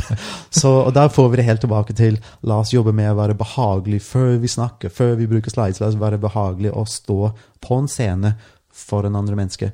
Og da, da For de som, de som virkelig sånn Hjelp meg å være virkelig god på scenen. Da flytter vi publikum 30 cm under deg. Så da har vi kanskje seks mennesker 30 cm sånn, dum, dum, dum, dum, rett foran deg. Og de er så langt fra deg, og du kan eh, høre dem puste og alt mulig. Og da skal du bare ha øyekontakt med dem. Og du får ikke lov å snakke, du får ikke lov å si noe som helst. Det er brutalt. Da svetter folk som bare det. Og vi setter på pulsklokker, og det går helt ekstremt. Men folk digger det. Det er sånn eh, Gi meg mer! Gi meg mer! Ja. Jeg vil ha mer av det der. Å stå på scenen etterpå med 1000 mennesker er superenkelt. Det er veldig enkelt. Wow, så bra. Det er en veldig stilig øvelse. Jeg har også holdt en del presentasjoner, og mine teknikker det er altså for det første kun den skitten du skal presentere. det er veldig greit. Eh, kan den, eh, det å kunne presentasjonen sin inn og ut, og ikke måtte stå med en, eh, med en stor A4-lapp hvor det står all teksten, Mm. det er smart. Jeg pleier bare å ha stikkord, og de stikkordene forteller meg alt jeg trenger. Og det andre som jeg alltid har gjort, både før presentasjoner og jobbintervjuer, er jo power poses. Ja. Det syns jeg funker utrolig bra. Og det er jo da, ikke sant, stå Gå inn på do eller stå på venterommet der og rett og slett stå med hendene over været. Og, Ja. ikke sant? Vær, vær der, og ikke sitt Dette har du jo også forska på. Hvis du sitter på en måte bøyd og ned og ser i gulvet, og så skal holde presentasjon, så skjønner du litt hva slags type karakter som kommer ut holder den presentasjonen. Da, da blir man seende ned i gulvet, og da blir man veldig sånn litt redd og uskyldig. og hvis du står på bakrom og nesten eh, altså henda i været og jubler og gjør deg klar og booster deg og kanskje har noe kul musikk og liksom Fuck yeah, dette her klarer jeg! Da kommer du ut med en skikkelig god energi, da. Jeg, jeg pratet med, eh, på Messenger eh, på, med Nick Vujicic. Det er sånn V-U-J-I-C-I-C. Vujicic. Eh, han bor i Australia. Han har ikke arm, har ikke bein. Så han har bare sånn en bitte liten kropp og hode. Og, eh, men han er fantastisk morsom å se han på skateboard. Helt Wow. Han bare ligger på skateboarden og så styrer nedover gata. Men han har noen av verdens kuleste presentasjoner. Og folk som spør meg hva skal jeg gjøre med hendene mine når jeg presenterer. Jeg sier, vet du hva, la oss se hva Nick gjør. Yeah. og så får vi opp en video av Nick. Han har ikke armer, han har ikke bein. Og jeg tenker, og jeg spør folk, hva tror du Nick hadde sagt? Hvis du, hvis du er her, og du skal i Norge, og du skal gi en presentasjon på scenen, og du er bekymret over hva du skal gjøre med hendene dine, hva hadde Nick sagt? Han hadde sagt Fuck you, you got fucking arms!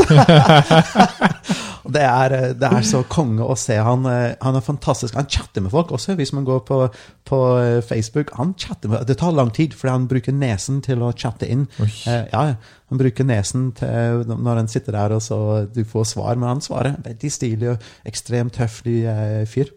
Hva holder han, prese, holder han presentasjoner om da? Å være takknemlig for det man har. Så fyren har forsøkt å ta selvmord som 10-11-åring. Han eh, Så forsøkte han flere ganger, og så nå, er han, eh, nå har han familie. Han er eh, par barn og en veldig kul kone. og Wow. han, han er sånn hver eneste dag, så hans leveregler er egentlig eh, hver dag så skriv en gratitude-liste nummer to. Det er altså hva du er takknemlig for. Nummer to, ha kule mennesker rundt deg som du kan, virke, som du kan snakke med. Og nummer tre, eh, gå og hjelpe andre mennesker. Det er Mm. det som hans tre sånn leveregler Ja. er. Det er de tre. Og det er digger enn nummer tre. Det er det er de som være litt mer interessert i, i, i andre. Så det er veldig lett for Nick å falle Det er det han chatter og presenterer om. Det er veldig lett for han å føle synd på seg selv. Men eh, dette er livet, og han skal ha det like kult som, eh, som, han, kan, eh, som han vil. Når du har det kjipt, så er det alltid en annen dude eller jente der ute i verden uten armer og ben som Ja. har det bra. Ja. Det betyr at du også kan ha det bra. Ja. Du har... Han sier ikke han har det kjipt. Han sier han Nei, har det kult. jeg. Nei, det er det jeg sier. Som har det bra. Han har klart å finne, finne en måte å ha det bra på. Mm. Og man skulle jo tro det er vanskelig, og da er det jo litt tilbake til huet ditt. da. Huet ditt er jo ekstremt, et ekstremt sterkt verktøy. Ja. Og det, det er jo der det handler om liksom Skal du bestemme deg for å ha det bra, være takknemlig, Mm. og som du sier, ha hyggelige, kule folk rundt deg? Eller skal du bestemme deg for å ha det kjipt? Mm. Og en veldig bra måte å begynne med noe på, er jo kjør på med noe i 100 dager, da. Ja. Og det er Vær- folk som vil jeg skal hjelpe dem med noe som helst i livet, så er det alltid som regel nummer én at vi må, vi må ut og hjelpe andre mennesker. Det er som egentlig det det går mest på. Vi må, vi må gjøre problemet ditt så lite, fordi vi må treffe andre mennesker med ordentlig større, tøffe problemer. Um, det er det som jeg forsøker å gjøre. Hvis jeg har det kjipt selv, eller hvis jeg skal hjelpe andre mennesker som har det kjipt, så er det sånn La oss, la oss bare parkere den, og så la oss bare gå og så ut og så hjelpe folk, hjelpe folk som, som kanskje har det tøffere og vanskeligere. La oss, la oss gjøre problemet vårt faktisk mindre. Det, det er en, på en måte en vinkling som jeg forsøker av og til. Men tilbake til det med presentering. En annen kul øvelse yeah. det er å få, å få folk til å stå midt på scenen og så få hele publikum til å klappe nonstop i ca. to minutter. Plystre og juble og skrike. og se folks ubehag når de står på scenen. Og det er ganske mange eh, folk som begynner å grine når de, når de får det. Da står de der midt på scenen. Du får ikke, ikke, ikke forsøk å flytte beinet, fordi folk liksom, de peker litt bort med foten med en gang. Kroppsspråket viser at de vil ut av den situasjonen, fordi de får 100 mennesker oppmerksomhet på seg selv. Og for mange så begynner de, de bare knekke sammen. De har ikke sagt noe, de har ikke presentert noe. Jeg bare ber publikum gi dem det mest kjærlighet som dere Full kan. power. Yep, full power. Mm. Kjør på. Og etter 30 sekunder er det ganske mange som begynner å grine, og da sier hva, hva, hva skjedde? Jeg er ikke vant til å få, eh, til å få sånn oppmerksomhet. Jeg skulle ønske liksom alle At det var sånn obligatorisk en gang i året for nordmenn. Bare sånn Ja, nå er det din tur. Mm. Kom deg inn på, på møtesenteret i Oslo S, for nå skal vi klappe og juble for deg i fem minutter. Ja. Den at du eksisterer, du finnes som en person. Um, og det har kanskje vært også de, de, enten, de, har, de har ikke blitt sett, eller de vil ikke blitt sett, eller de har et eller annet i livet de prøver å, de prøver å gjemme seg. Og så å stå på scenen der og bare motta kjærlighet fra publikum er Den er, eh, er skikkelig mind-blowing av noen folk og de samtalene jeg har hatt etterpå. Sånne, folk bare går over med en gang. at det, sånn, De griner på scenen, og så kommer de og sier 'hva skjedde', hva skjedde? Sånn én til én sånn, snakker med dem, hva skjedde? «Eh, 'Jeg har ikke det bra i forhold med mannen min', plutselig, sier de. Mm. Det er sånne rare ting som skjer. Og det, også alt er sånn hva, hva skjedde, liksom? Det er store midt på scenen, og du fikk mye kjærlighet fra publikum, og så plutselig har, er det dette som popper opp. Og så kommer vi inn i helt nydelige samtaler med mennesker. Wow. Mm. Det er på en måte øh, Jeg hadde en venninne her som har vært på Vipassana. Har du hørt om det? Ja. Ti dager øh, Mm. holdt jeg på å si silent retreatment. Ja. Og der skjer jo mye av det samme, bare at du ikke har mange, veldig mange mennesker som jubler. Men på ti dager så innser du mye ting i livet. da. Mm.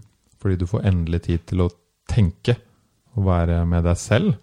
Som kan være nokså viktig for folk i denne ja, ganske kaotiske verden. Mm. Hvor det skjer ting hele tiden, og du har sosiale medier, og du får egentlig ikke så mye tid til å sette deg ned og tenke. da. Hvordan har jeg det?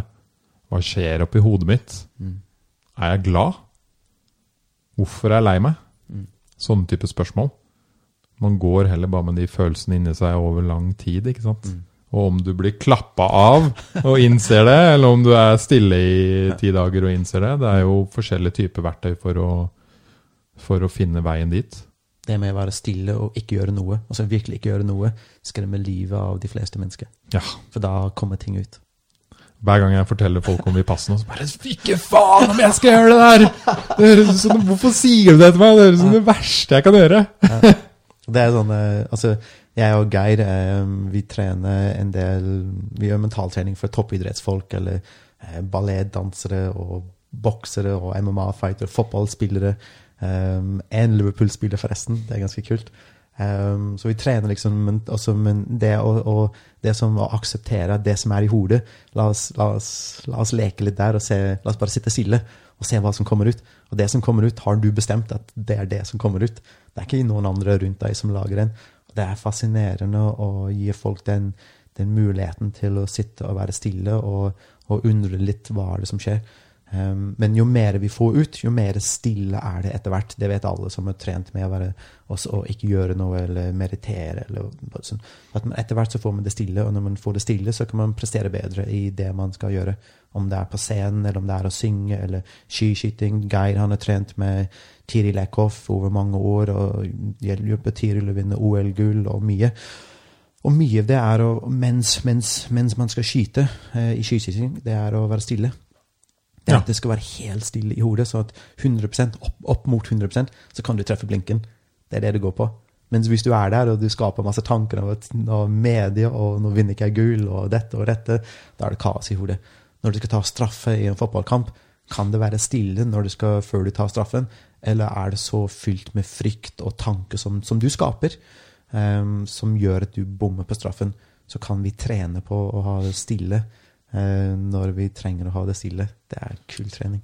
Det er morsomt du sier det, fordi eh, jeg snakka med en kompis her om dagen. Vi sto og sparka litt fotball.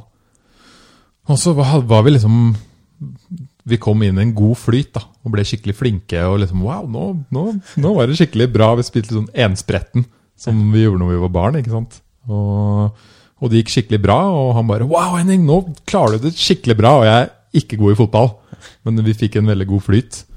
Og så kom det to venner til, og da sugde jeg. og han bare 'Gutta, Henning er dritflink i dag'. Og så kom de og begynte å spille, så bare ja, der forsvant alt det. Nå tenkte jeg, nå, Nå tenkte nå, nå tenkte jeg for mye. Nå hadde jeg ikke ro i hjernen, sånn som når jeg var alene med han. da. Nå kom det litt press fra utsiden. Men eh, hvordan trener du disse toppidrettsfolka, og hvordan, hvordan trener du for å få den stillheten i hodet? Det er det samme som om man skal være på scenen og trene og presentere. Vi trener først og, gjør ikke, og ikke gjør noe. Vi går helt tilbake til basics. La oss bare være til stede, være her og nå, være til stede. Og så ikke, ikke, ikke gjør noe.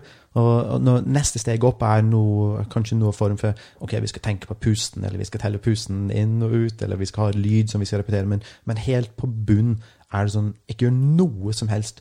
Så, Meditasjon, basically. da. ja, men Nesten. før det. Før du Før begynner det. å tenke at nå skal jeg meditere, så ikke gjør noe. Mm. Så sånn før alt annet av at nå skal vi meditere, så før det at nå skal vi tenke på pusten, så ikke gjør noe. Bare sitt og så være der, og så ikke gjør noe. Og så etter det så kan man legge sånn små Lego-brikker på toppen til at man Ok, nå skal vi fortsatt ikke gjøre noe annet enn å gå ut på scenen og så presentere. Eller nå skal vi bare gjøre én ting, og det er å, å treffe ballen. Nå er det bare én ting, og det er sånn Vis meg hvor på golf, golfballen traff, traf du nå.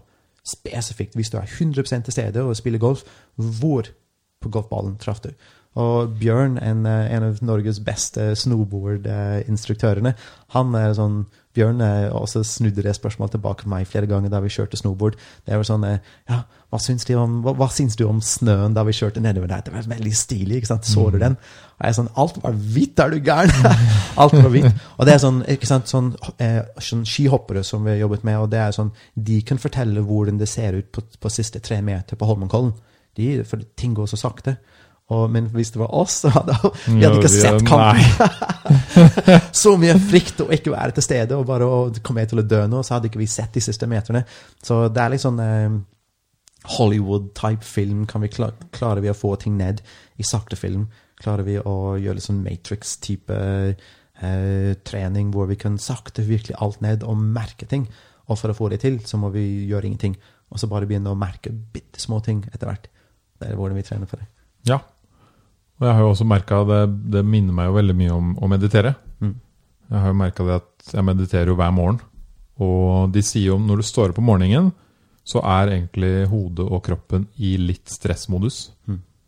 Hvis du da setter deg og mediterer, så får du på en måte sortert bort alle de rare stresstankene som ligger der. Ja. Og på en måte OK, i dag skal jeg ha fokus på det og det. Og så lukker du opp øynene etter Det kan være alt fra fem minutter til en halvtime. ikke sant?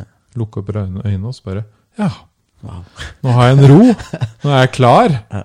Og nå løper jeg ikke rundt og tenker. For av og til tenker man i dag er det tusen ting jeg skal gjøre. Mm. Og så er det egentlig ikke tusen ting du skal gjøre. Men det bare virker sånn fordi hjernen din jobber med veldig mange ting på en gang. Mm. Og for meg har meditasjon funket utrolig bra. Mm. For å på en måte få bort alt støyet. Sitte med seg selv litt. Det er ikke så mye tid man har med seg selv alene. Veldig lite. Veldig lite. Og når man først har det, så skrur man jo stort sett på TV-en, ikke sant? Ja. jeg mener, alle, alle bør ha hund. gå Ja. ut og så gå tur med hunden. Det er sånn, eh, eller, eller så, ok.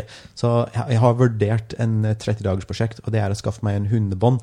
Men jeg, har ikke, jeg har ikke hund fordi eh, svigermor hun har allergi, og, så vi kan ikke ha hund. Eh, men bare det å ha hundebånd, og så gå ut og så late som at man har hund, så stopper man av og til og bare late som at eh, det er noe på, på slutten av hundebånd. Og så gjør det, jeg lurer på igjen, jeg lurer på hva som skjer hvis man gjør det i 30 dager. For alle folk som ikke har hund, bare skaff deg hundebånd, og så gå en halvtimes tur hver kveld, og så stopper du ved lysstolpe, og, og så bare late som ja, nå må jeg stoppe. Og jeg garanterer at det kommer i kul dialog med noen mennesker som kommer bort og tenker du har du mistet hunden Ja, what the Og fuck? så begynner, og så begynner moro. Da begynner det å skje. Det kan Du vet du kan min... skaffe deg sånn minigris når du er allergisk. Ja. Når folk er allergisk. Jeg tenkte kanskje en eh, sånn eh, liten bamsehund.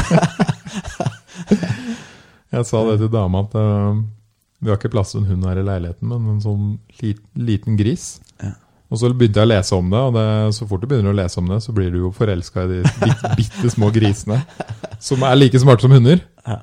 Jeg bare wow, ok, nå må jeg slutte å lese, ellers så havner jeg opp med plutselig å ha en Det minigris. høres så rart ut, en minigris. Det er ja. sånn rart med det. Det er veldig rart. Det er veldig rart.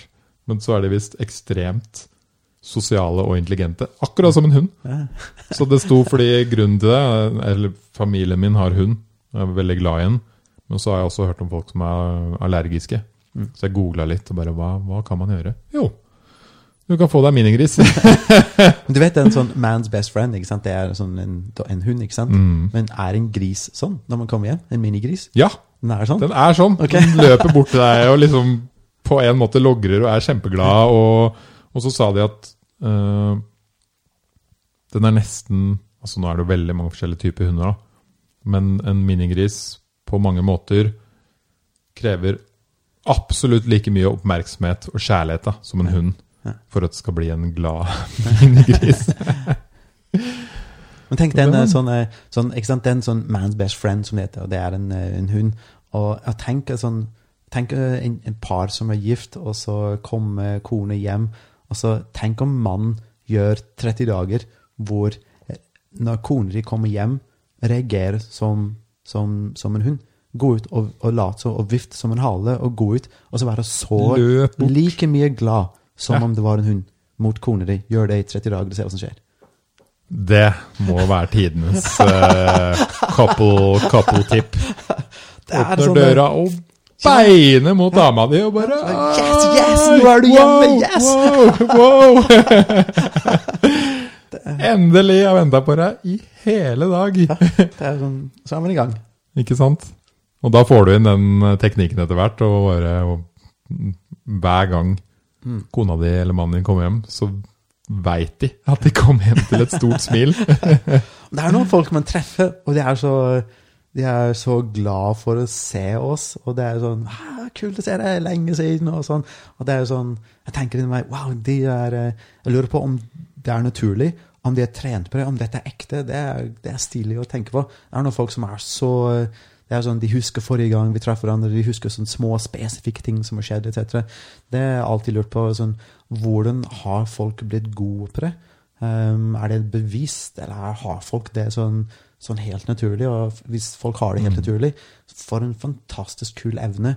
Er det og, gener? Er det foreldra? Ja, ja, du må spørre neste gang du møter foreldra. Og så må du se om de er sånn. Jeg har ikke peiling. Det er, sånn, eh, det er kul ting å, å undre på. Liksom. Hvorfor, hvorfor, hvordan klarer de seg? Er, sånn, er, det triks? Er det bevisst? Eller er det bare sånn jeg, jeg tenker ikke så mye på det. Mest sannsynlig de hadde sagt det. Det er fascinerende. det er det samme med de man alltid møter som er superglad. Mm. Uansett. Så smiler de opp og bare lyser opp hele rommet. Ja. Og de kan til og med ha det ganske kjipt, men de smiler hele tiden. Ja. Du vet hva slags type folk jeg mener. Mm. Og det skaper jo alltid en sånn Du, du må smile når du møter dem. ja, og de er der, og de lytter. Men du, vi gikk ikke gjennom alle bånda. Nummer tre er 'enjoy the game'. Si alle tre igjen. Første var Be more interested. Ja. Give more pluses. Enjoy the game. Enjoy the game. Det, det egentlig går på livet. Mm. Så jeg tenker liksom vi, vi Altså, når man når man er ute og så treffer menneskene, så nyt Uansett hva man har fått, nyt det man har. Det er det det går på. Jeg virkelig tror på at akkurat før jeg dør, hvis jeg er bevisst, akkurat før jeg dør, så kommer jeg til å ønske å spille det spillet her en gang til. Og da huske hele tiden at ok, skal jeg i hvert fall nyte dagen. Og da går vi tilbake til hvor det nyter dagen, være mer interessert, gi flere plusser, og så, så det går liksom en liten sånn sirkel, disse tre reglene. det er Jeg tror det er utrolig bra for folk å ha noen sånne livsprinsipper si, som er ganske enkle, da, men mm. som betyr veldig mye. Mm. Og som du sier, folk har jo forskjellige prinsipper, men uh, det å ha noen og minne seg selv på det hele tiden, mm. Det kan være utrolig sterkt. Mm. Og det kan gjøre at du hele tiden blir minnet på å liksom Ok, jeg må huske det her, jeg må være interessert. Mm. Øve deg på det, og til slutt sitter det underbevisst. ikke sant? Ja. Du, blir, du, blir, et interessert menneske. Ja, det er sånn, du vet Når man eh, skal treffe en ny person og man hilser på dem, og man er så fokusert, så ekstremt fokusert på å si ditt eget navn at du får ikke med hva de andre personene heter. og den er artig! Den er så artig, fordi jeg vet at jeg heter Brandon i 45 år, så heter jeg Brandon, men når jeg går frem til en person, så er jeg sånn Jeg heter Brandon, jeg heter Brandon, jeg heter Brandon. jeg heter Brandon. Hei, jeg heter Brandon.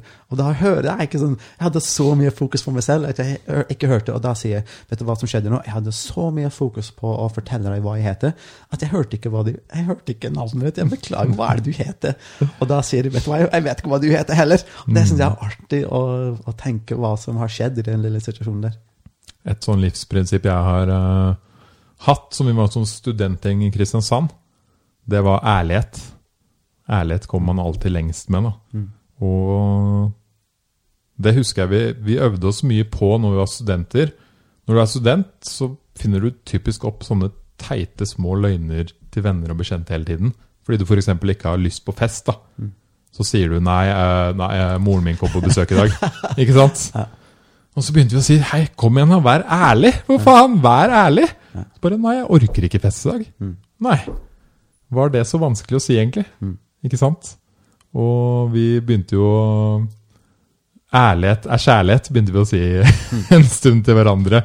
Fordi selv om det på en måte er uh, er kanskje litt kjipt for den personen at du ikke kan være med, eller litt dumt, in the end så sier du det ut av kjærlighet til deg selv. ikke sant? Mm. Uh, for deg selv at du, du, har faktisk ikke lyst til det, eller dette er den ordentlig ekte grunnen til at jeg ikke vil være med på noe, eller mm. ikke har tid til det. Uh, og så merka vi etter hvert at dette funker jo jævlig bra. Mm. Er det morsomt prinsipp? Ja, det funker kjempebra. Og så begynte vi å Ja, det funka veldig bra når jeg snakka med mutter'n i telefonen òg.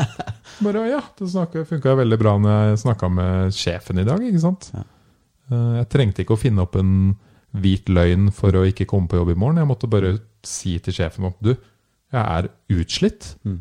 Og jeg, har, jeg trenger en fridag. Mm. Og jeg hadde satt utrolig pris på om du kunne gi meg fri i morgen. Mm. Sånn at jeg ikke blir sjuk, eller blir eh, enda mer sliten eller deprimert, eller Og da tenker sjefen ja, shit, det der var kjempebra og veldig ærlig, og selvfølgelig skal du få en fridag. Ikke, kanskje ikke i morgen, men i overmorgen. En fordel ut av den er at sjefen lurer på noe, jeg kan gå til Henning, for Henning han er ærlig. Ja, Det, det er pluss ut av den. Nettopp. Jeg trener med noen av eh, eh, Norges beste gamere. Vi kjører mentaltrening med gamere for å være til stede. Altså PC-gamere, eller Ja, ja, PS- PS4. Ja, Um, og det er, eh, det er sånn, de trener ganske mye. Altså, de har gått gjennom en 100 dagers greie av å stå opp klokken, klokken fem eh, om morgenen og så trene en time. fordi hvis de blir best, så må de, de få inn det litt ekstra trening. Og så gjorde de mentaltrening, og en ting de har blitt veldig gode til å si, at eh, hvorfor har du ikke blitt god nok i den banen der den uken? Og da svarer alltid jeg vil ikke. Og det er veldig stilig. Så vi har sluttet med disse unnskyldningene. Jeg hadde ikke tid, eller dette. Eller sånn. Bare sånn, det var ikke nok vilje. Det var nok vilje der til å, til å prioritere det. Det er ganske stilig. Mm. Er bare være ærlig. Det sånn, det går helt fint. Ja. Si du ikke vil, det går helt i orden. Ikke sant? Så kan man heller jobbe med Hvis man sier da, jeg har ikke lyst til å spille det brettet, så må man heller finne ut hvorfor man ikke har lyst til det. Hva, hva er grunnen til det? Og da kommer man så ekstremt mye lenger Mm. enn å på en måte komme med disse små løgnene hele tiden. Da. Mm. Og det tærer litt på deg òg. Jeg husker Og det, og, øh, det blir veldig sånn automatisk, da. Når du, når du gjør det mye, Mm. så blir det veldig automatisk at det, det blir lettere å ljuge litt Mm. enn å være ærlig. Det er fint å få det ned på vilje. Bare sånn, ok, hvis du ikke vil, det går helt i orden. Mm. Vi vil forskjellige ting. Ja. Men gamere, det er jo sinnssykt kult, da. Ja, det, Eh, det er det. For de som ikke syns at gamere, game, gamere er fett, så er jo det på en måte en, en ny sportsgren med Eller ikke en ny, en sportsgren som begynner å bli gigantisk. Mm.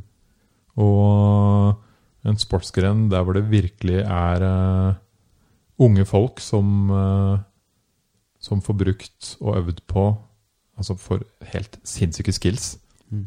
Både med, med tanke på samarbeid, og med tanke på konsentrasjon, med tanke på det å lære og, og taktikk, strategi, ikke sant? Ja. Uh, jeg var jo gamer før uh, Hvilket spill? Jeg spilte masse forskjellig. Counter-Strike, World of Warcraft, Call of Duty. Ja. Masse av disse spillene. Mm.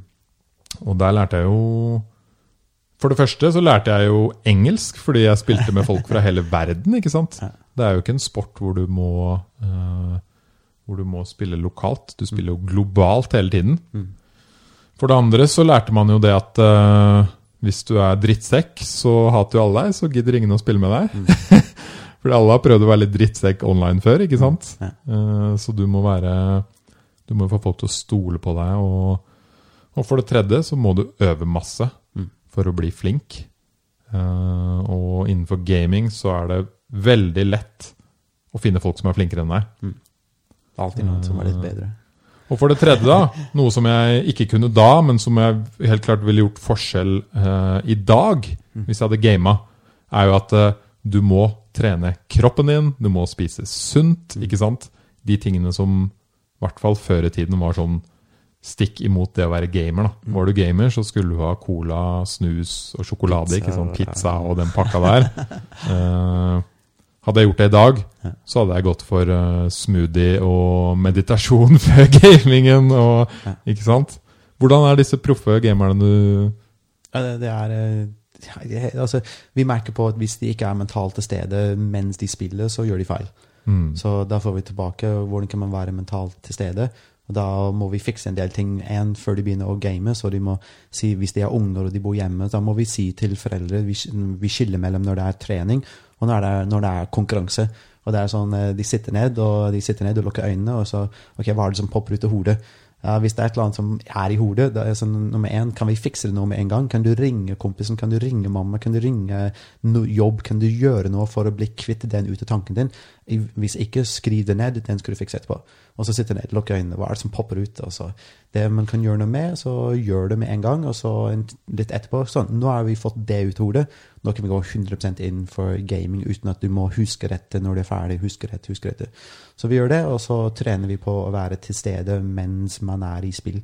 Og, um, Og det er en ting som, som gamere, er, er, tror jeg, får mye trening på det å være til stede i det du gjør. Eh, noe som ikke er eh, kanskje skrevet nok om i mediet. Det er som veldig mye fokus på eh, at man bruker mye tid på gaming. Men fordelen er at de bruker mye tid på å være til stede, og det er ekstremt god trening. Du må jo være veldig til stede. Hvilke spill er det du de, Eh, mest Formel 1. Formel 1, ja. Ja, så jeg trener Norges beste i Formel 1 eh, e- e-sports. Og da, sånn, da må de være eh, så Vi kaller det i bilen. Du må være i din egen bil. Eh, samme i skiskyting. Du må være din egen greie når du gjør skiskyting. At hvis du begynner å tenke på personen foran deg, så kommer du til å bomme på blinken, bomme på blinken, så begynner du å skylde på deg selv, begynner å skylde på deg selv, så kommer du ned i en dårlig sirkel. Det var det verre og verre. Så greia er at eh, i bilen din, og med og utfordringen man har når man kjører mot eh, ordentlig gode folk da, i Formel 1, de alltid tenker nå må jeg ta den personen foran. Ta den bilen foran, og når de begynner å tenke ta bilen foran, så gjør de feil. Gjør de feil, så krasjer de vegg. Krasjer de vegg, så blir de sint på seg selv. Sint på seg selv, så kommer vi i en dårlig greie nå med å kjøre enda raskere, kjøre enda raskere, så gjør de større feil.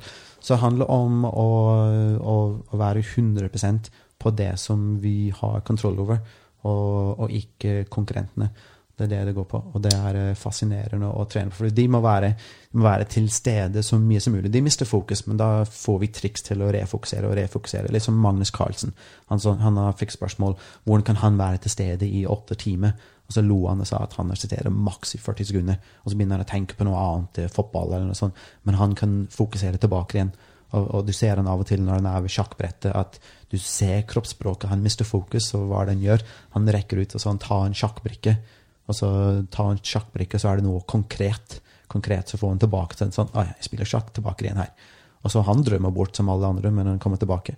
Og det er å finne disse triksene for å refokusere så fort som mulig når vi mister fokus.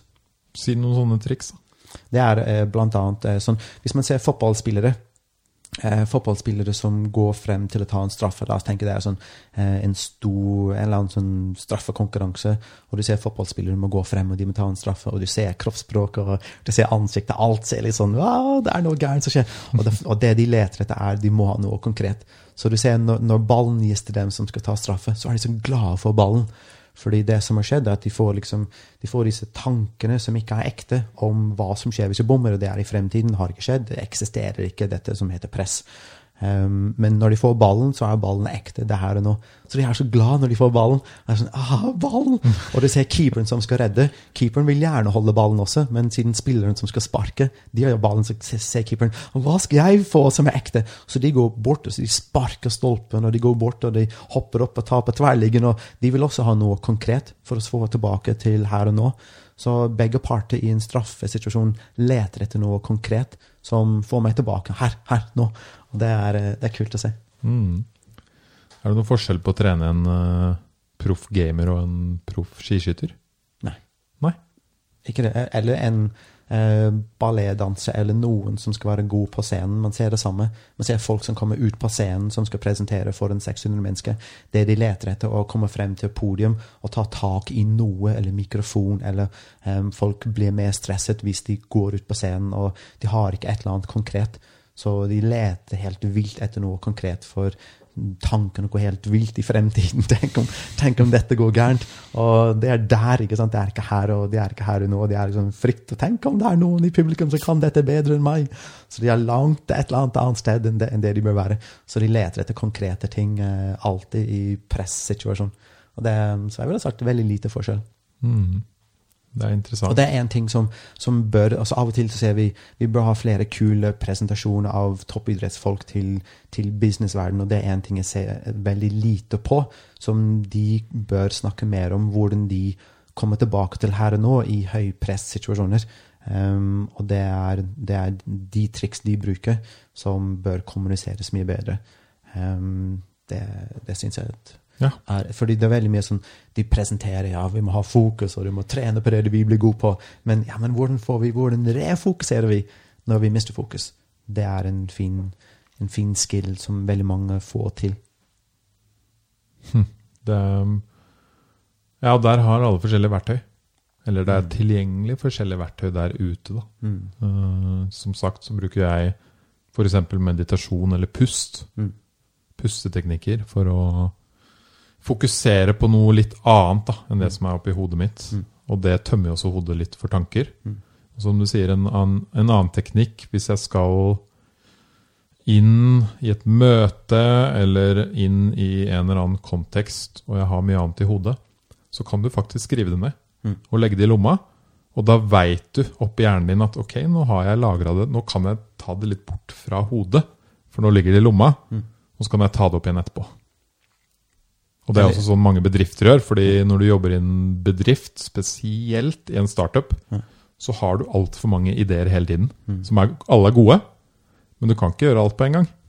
Og da er det litt sånn greit, da har vi den ene Parkerten. Parkering, White, ja, parkeringsplassen, whiteboardet borti hjørnet. Der skriver vi fucking good ideas, but these needs, need to wait. Og det er fint å få dem der. Få, Mm. dem, eh, få dem ut og få dem, eh, få dem logge. Mhm. Men det er også uh, tenker litt på, er jo disse Det disse utøverne er veldig flinke til, det må jo være å reise seg når de feiler. Mm. Har de noe, har du noe Noen gjør det. Uh, man ser et sånn uh, Altså Hvis man ser på Liverpool-spillere altså, Jeg er stor Liverpool-fan. og Hvis man ser på, på Liverpool-spillere etter en kamp Ok, vi kan ikke ta Liverpool, de taper ikke så mye. La oss ta et annet, et annet, et annet lag som taper, og man ser dem på TV. Jeg syns alltid det er fascinerende at når man intervjuer spillerne etter kampen, så har de blitt kvitt kampen veldig fort. Det er sånn, nå må vi bare se frem på neste trening, hvor vi kan fikse ting før neste kamp. Så de vet, ok, den ene tingen der, det må fikses på trening før neste kamp. Mens hvis man ser 60 000 mennesker som har vært på stadion og sett laget, de slipper ikke den, og de bærer den med seg en hel uke. Det betyr at de som var på banen, som det kanskje betyr mest for, det er jobben deres, de klarer å slippe det sånn. Mens de andre som ikke var på banen, de bærer den ekstra med seg en hel uke, kanskje lenger. Det syns jeg alltid er Hva tenker de fotballspillerne, da? Jeg er ikke sikker. Er det, det fokuset på at de må da Ja, da må vi trene mer, eller da må vi ha det, ha det er akkurat det. Det kan hende at en av de triks til å bli topp i det feltet du gjør, er det evne til å slippe det som vi har akkurat blitt ferdig med, og slippe den, men ta én ting videre. Dette er det vi må fokusere på i trening. Det, det hadde vært fint å, å, te, å, å sjekke og teste og spørre er det noe, er det noe der med altså, Også i bedrifter at ok, det har skjedd, det må vi hente læring ut, og så må vi ta det fremover. Eller bærer vi for mye med oss videre? Jeg aner ikke, men det er fint å tenke på. Fordi um, Det som har skjedd i fortiden, der, har jeg merker at folk er veldig forskjellige. Noen er veldig opphengt i det som har skjedd. Så opphengt at det ødelegger for fremtiden. Ja. Ikke sant? Eh, mens noen er sånn Det som har skjedd, har skjedd. Nå må vi gå videre. Vi lærer av det, selvfølgelig. Ikke sant? Fotballspillerne som tapte den kampen. Det er alltid noe å lære av det. Mm. Hvorfor tapte vi? Hva gjorde vi galt? Kan vi se den kampen igjen? Mm. Og diskutere oss fram til hvordan vi kan gjøre det bedre neste gang. Mm. Og så trener vi, og så fokuserer vi på det istedenfor å fokusere på den kampen vi tapte. Det har skjedd. Vi veit vi har tapt. Det er egentlig ikke så mye å gjøre med det tapet, Mm. for det har allerede skjedd. Og det, det minner meg også litt om at det er veldig mange mennesker, spesielt i Norge, f.eks., som sliter med depresjon. Mm. Om store grunner til at de sliter med depresjonen, er ting som har skjedd tidligere i livet. Man klarte ikke å Man kom seg ikke på, på videregående strøyk man, og så kom seg man ikke på universitet, eller ikke sant? så har det gått en bane helt opp til du ble 30 eller 40, og så har det hengt igjen, og så irriterer man seg, eller Mm. man slo opp med en kjæreste for ti år siden, ikke sant?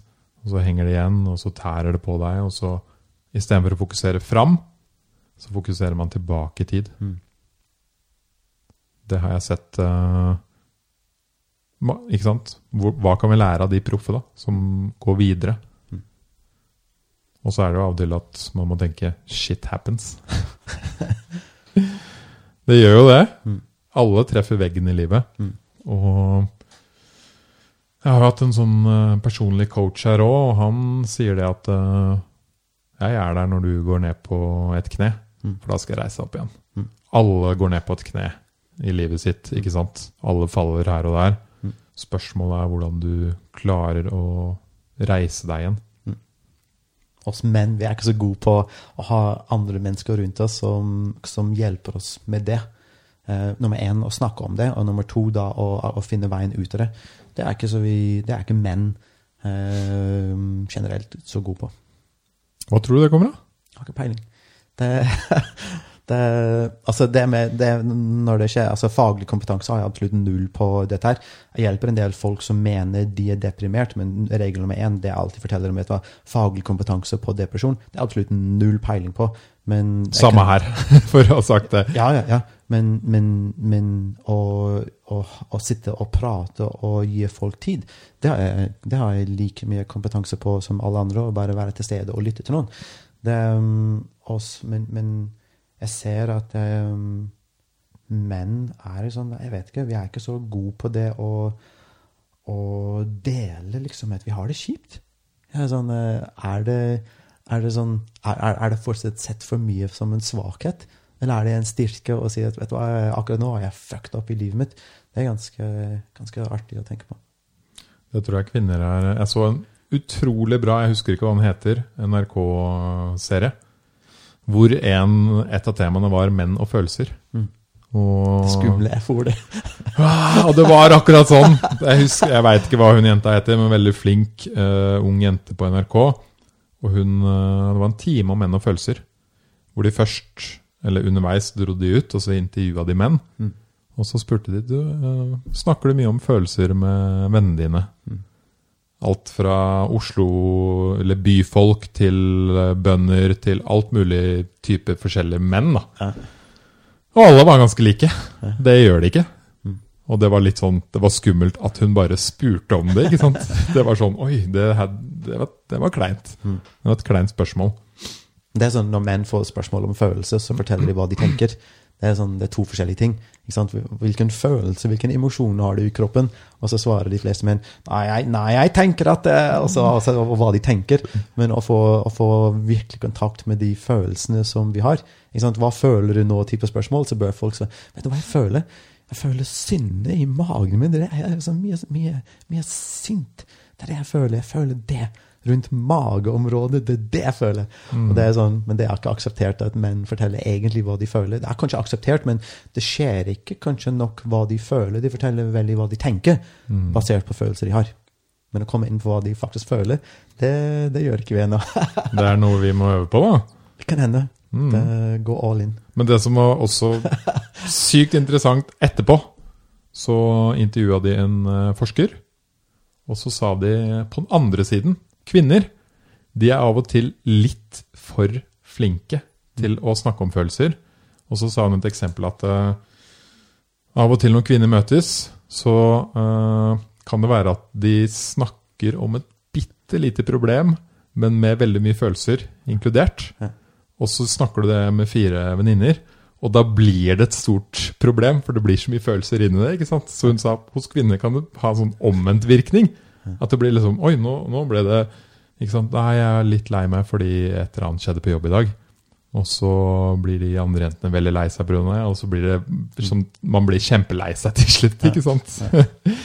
så det var veldig eh, det var kul. Jeg skal prøve å finne navnet på den eh, dokumentaren, men veldig sånn ærlig gikk rundt til menn og bare Du, hva, hva snakker du om følelser med kompisene dine? Bare, Nei, nei, nei, nei, nei, nei, nei, nei, nei det, hva, hva, hva er det? Hva, hva skal jeg si? Hva skal man si? Og det er dumt at hvis du har det veldig kjipt, Mm. så burde du kunne si det til dine beste venner. Som. Eller foreldra dine, da. Ja, som Jeg tror, lytter. Det ja, er- jeg tror menn er like dårlige på å si det til foreldra sine Ja. som andre menn. Mm. Eller så kan du få deg en veldig god venninne Mm. og snakke med den personen. Kan kanskje starte med det Ja. for å øve deg. Ja. Eller en hund. Eller, De er, de er så gode eller minigris. De er så gode å lytte, disse, disse dyrene. Ja. Kan tusle en tur og fortelle alt uten noe stress. er, jeg tror virkelig det er noe i det. For det er ikke som om de hører deg, det er at du får sagt det ut. Mm. Det er at du er i touch med dine egne følelser, og du snakker det ut. Det, betyr ikke så mye om de hører det eller ikke. Det, er- det er irrelevant. Det er litt det samme som å eh, sånn, eh, hva heter det? Sånn skrive ned hva du er takknemlig for. Ja, ja, ja. Og jeg har testa det å skri, skrive tre ting du er takknemlig for hver kveld. Mm. For da legger du deg med bare sånn Oi, jeg er takknemlig i dag òg. Jeg har hatt en kjempeskip, Jeg har hatt en sinnssykt kjip dag i dag. Ja. Men jeg er uansett takknemlig for at jeg, eh, jeg har et tak over hodet, og jeg har sinnssykt god kaffemaskin, og jeg har en god kjæreste. Altså Det kan være hva som helst, ikke sant? Og skal, nå starter den jævla robotstøvsugeren igjen. All right. Skal se om jeg får stå, stoppa den her. Nummer én er alltid det, og man kan være takknemlig for at man kan sitte ned og så fundere på hva man er takknemlig på. Mm. Det er sånn Wow, jeg lever, jeg har mulighet til å sitte ned og bruke tid og være takknemlig på noe. Det er ikke alle i verden som har den muligheten å, å gjøre det. Nei, for det jeg skulle si, at når du Når jeg hadde gjort det her et halvt år, da, og jeg hadde en, en liten bok, og skrev tre ting hver dag. Og så er det selvfølgelig ting som gjentar seg etter hvert, men til slutt begynner du å bli kreativ, ikke sant? For du har skrevet at du er takknemlig for eh, mat og kjæresten din og familien din og liksom eh, vennene dine og sånn. Det har du skrevet nok ganger. Det er sånn, ja, jeg er takknemlig for at det er sol. jeg er takknemlig i dag for at, eh, at jeg på en måte kunne, kunne gå, ta bussen til jobb istedenfor å gå i snøen. Altså, du, du blir kreativ, da. Og så satt jeg meg ned av og til og så tilbake. Side etter side etter side etter side, ikke sant? Med tre og tre ord hver dag. Og bare wow! Har du den fortsatt? Ja! Wow, stilig. ja. Jeg Det tror ikke den ligger her, men jeg, skal, jeg kan vise den etterpå. Ja, det er- fint å ha eh, hvis du får kids i fremtiden. Det er sånn som mine. ikke sant? Og de stiller spørsmål som 'Hvordan var du, pappa? Hvordan var du da det var det alderen? Hvordan var du som var den?' For en kul eh, bok å gi til dem. Her er det Ja. som jeg gikk gjennom og skrev ned dette. Det er mye som måtte blitt sensurert her og nå. Det gjør ikke. Bare sånn, ok, du får den her når du er uh, 11, og så får du den nye når du er 22, den som Ja. ikke har svarte streker over. Nei, men det er også en, en annen ting jeg har lest om, er jo å faktisk se seg selv i speilet, Mm. og enten si på en måte I love myself, jeg elsker meg selv, Mm. i ett minutt eller to minutter, Mm. Og stirre seg selv i øynene og si det, Mm. eller si ting man er takknemlig for. Mm. Enten på starten av dagen eller slutten av dagen. Mm. Og gjør du det, så er det sånn For det første er det ganske ubehagelig. Mm. Eller sånn rart. å liksom stå, du, må, du står ganske nærme speilet og ser deg selv i øynene. Og bare 'Ja, jeg er takknemlig for det, jeg er takknemlig for det, jeg er takknemlig for det.' Og så får du sånne gode, rare følelser inni deg. Ja. Og det å si at man elsker seg selv, er jo på en måte enda sterkere. Mm. Og noe man øh, Jeg har i hvert fall ikke hørt om mange som sier det til seg selv. Mm. Og, Jeg syns det hadde vært en fin, flere fine grupper som kunne dukket opp rundt omkring i Norge av menn. Eh, og jeg sier menn fordi jeg tror at det er vi som trenger dette mest. menn som faktisk samler og kan si for den andre hva vi er takknemlige for, at vi liker vår selv. Eh, og så hvordan vi kan hjelpe hverandre med å, støtte hverandre. Jeg tror vi trenger mange flere grupper eh, for det der. Mm. Jeg skulle likt å visst hva på en måte Nå får hun en jente her neste gang, men hva de hva, hva, hva dems på en måte sånn ting er, da. Mm. Hva de trenger å snakke mer om, eller, Ja. eller hva de Hva slags utfordringer de har i i livet, i Men- samfunnet. Da sier de menn. Ja, det er menn som er problemet. Vi må snakke sammen med menn. De må snakke om følelsene sine. Det er hovedproblemet vårt. Nei, men det er jo Problemet veldig til menn er menn, problemet til damer er menn. Ja. Det var kult. Nei, men så utrolig Utrolig spennende samtaler, da. Mm. Mm. Hva mer skjer i livet om dagen? Driver du med noen sånn hundredagersgreier nå, eller? Ja, det er hoppetau. Hoppetau, ja. Har du gjort to på en gang? Eller tar du ofte ja. og? Nei, Av og til så blir det bare sånn, det blir så enkelt så overlapper. Um, dette holdt på i åtte år cirka, så de overlapper. Og ja, nå eh, hoppetau. Dette er dag 62, tror jeg. hoppetau. Halvtime hver dag. Så, og da går jeg all in og kjører hopp, hopper som bare det. Mm. Jeg skal hive meg på en nå selv, tror jeg. Skal prøve sånn Wim Hof pusteteknikk i 100 dager. Mm. Har du prøvd den, hvor du ligger på gulvet og puster inn og ut 30 ganger? Nei. Du kan følge den på YouTube. Den er helt rå. Altså, du puster inn og ut 30 ganger i sånn sirkel, Mm. så du stopper ikke. Og så uh, puster du helt inn, Mm. og så helt ut. Og så holder du pusten i ett minutt. Oi. Og det går utrolig mye bedre enn det man tror. Mm.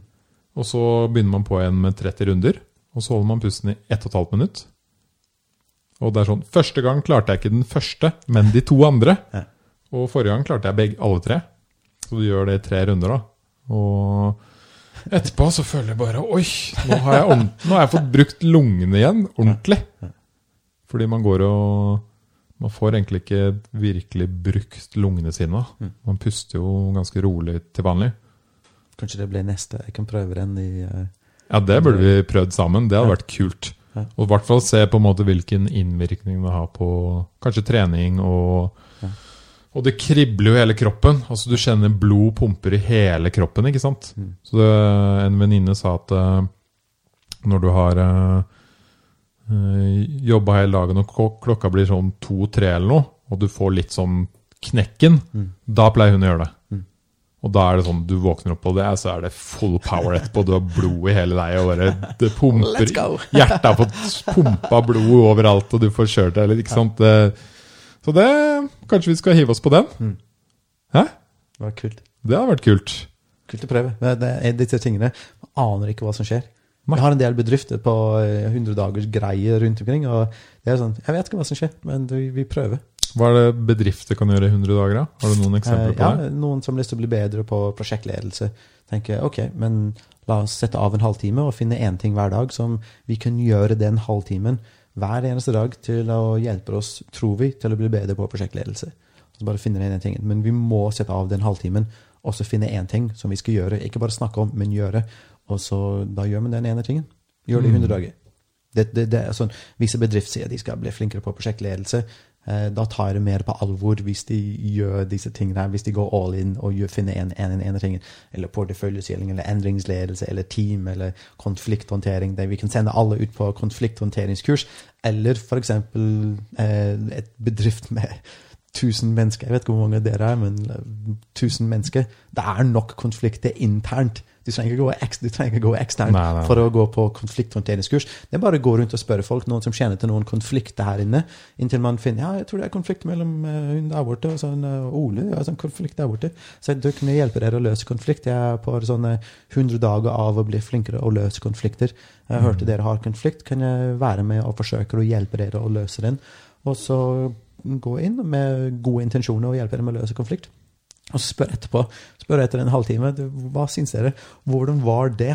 Og så få tilbakemelding. Dag to så går du, og så det er nok konflikter i nok bedrifter rundt omkring i Norge til å gå inn og se det. Du er på dag 34 av å løse konflikt. Jeg lurer på om noe har konflikt her, som jeg kan forsøke å hjelpe dere å løse. Og så gjør det, og så på slutten spør hvordan var det, har dere noen tips til å hjelpe meg? Da tror jeg at jeg tar det der mye mer på alvor, 100 dager med det, enn å dra på kurs eller lese ti bøker om å, løse konflikter. Mm. Det som ofte er problemet med kurs, er at du er der, du blir fascinert. Du bare Wow, that shit makes sense! Kom hjem og bare Hei, hør om det her! Og så gjør du egentlig ikke noe etterpå. Ja. Ikke sant? Ja.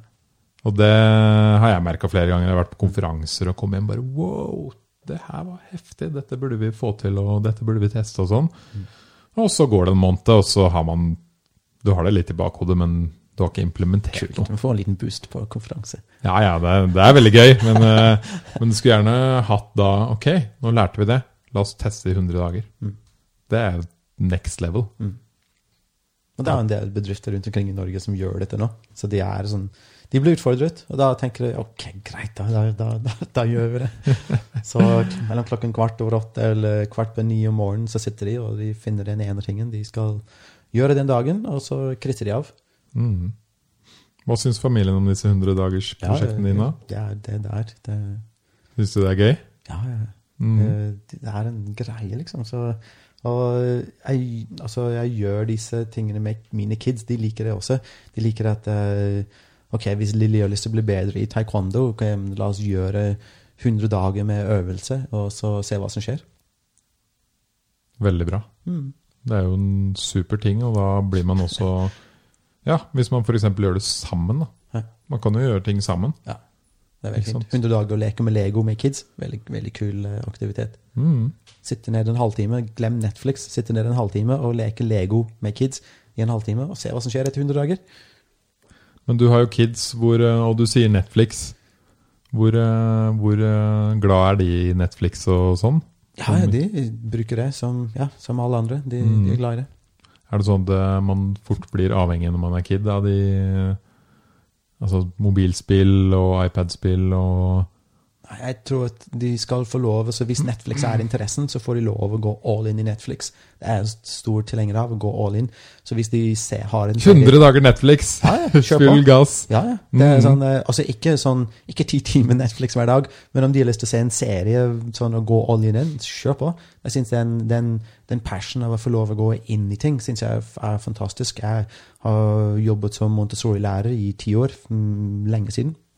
Og det er, i Montessori-metoden så er det veldig mye at hvis kids liker matte, så gå all inn i matte. La kids gjøre matte i tre måneder når de har mest interesse for det. Men hvis de ikke har interesse for det, hvis de har interesse i å, å sitte og tegne i en måned, la dem sitte og tegne i en måned. Men med en gang de, de vekker litt interesse i matte, kjør på å gå all inn i matte. Så er ikke det litt av interessen. eh, utfordringen med dagens skolesystem? At vi på en måte ikke lar kidsa få den muligheten til at liksom Ok, Ja. Der har vi en, en som digger matte, der har vi en som digger naturfag. Mm.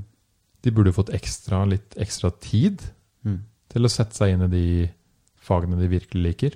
Ja. Men jeg tror at det, er veldig mange lærere som er enig i det. Mm. Men det er et eller annet som ikke tillater, fordi vi har disse ting som er tester og nasjonale prøver, og vi må sikre, vi må sikre ganske mye at vi får dem gjennom, um, ja, gjennom systemet.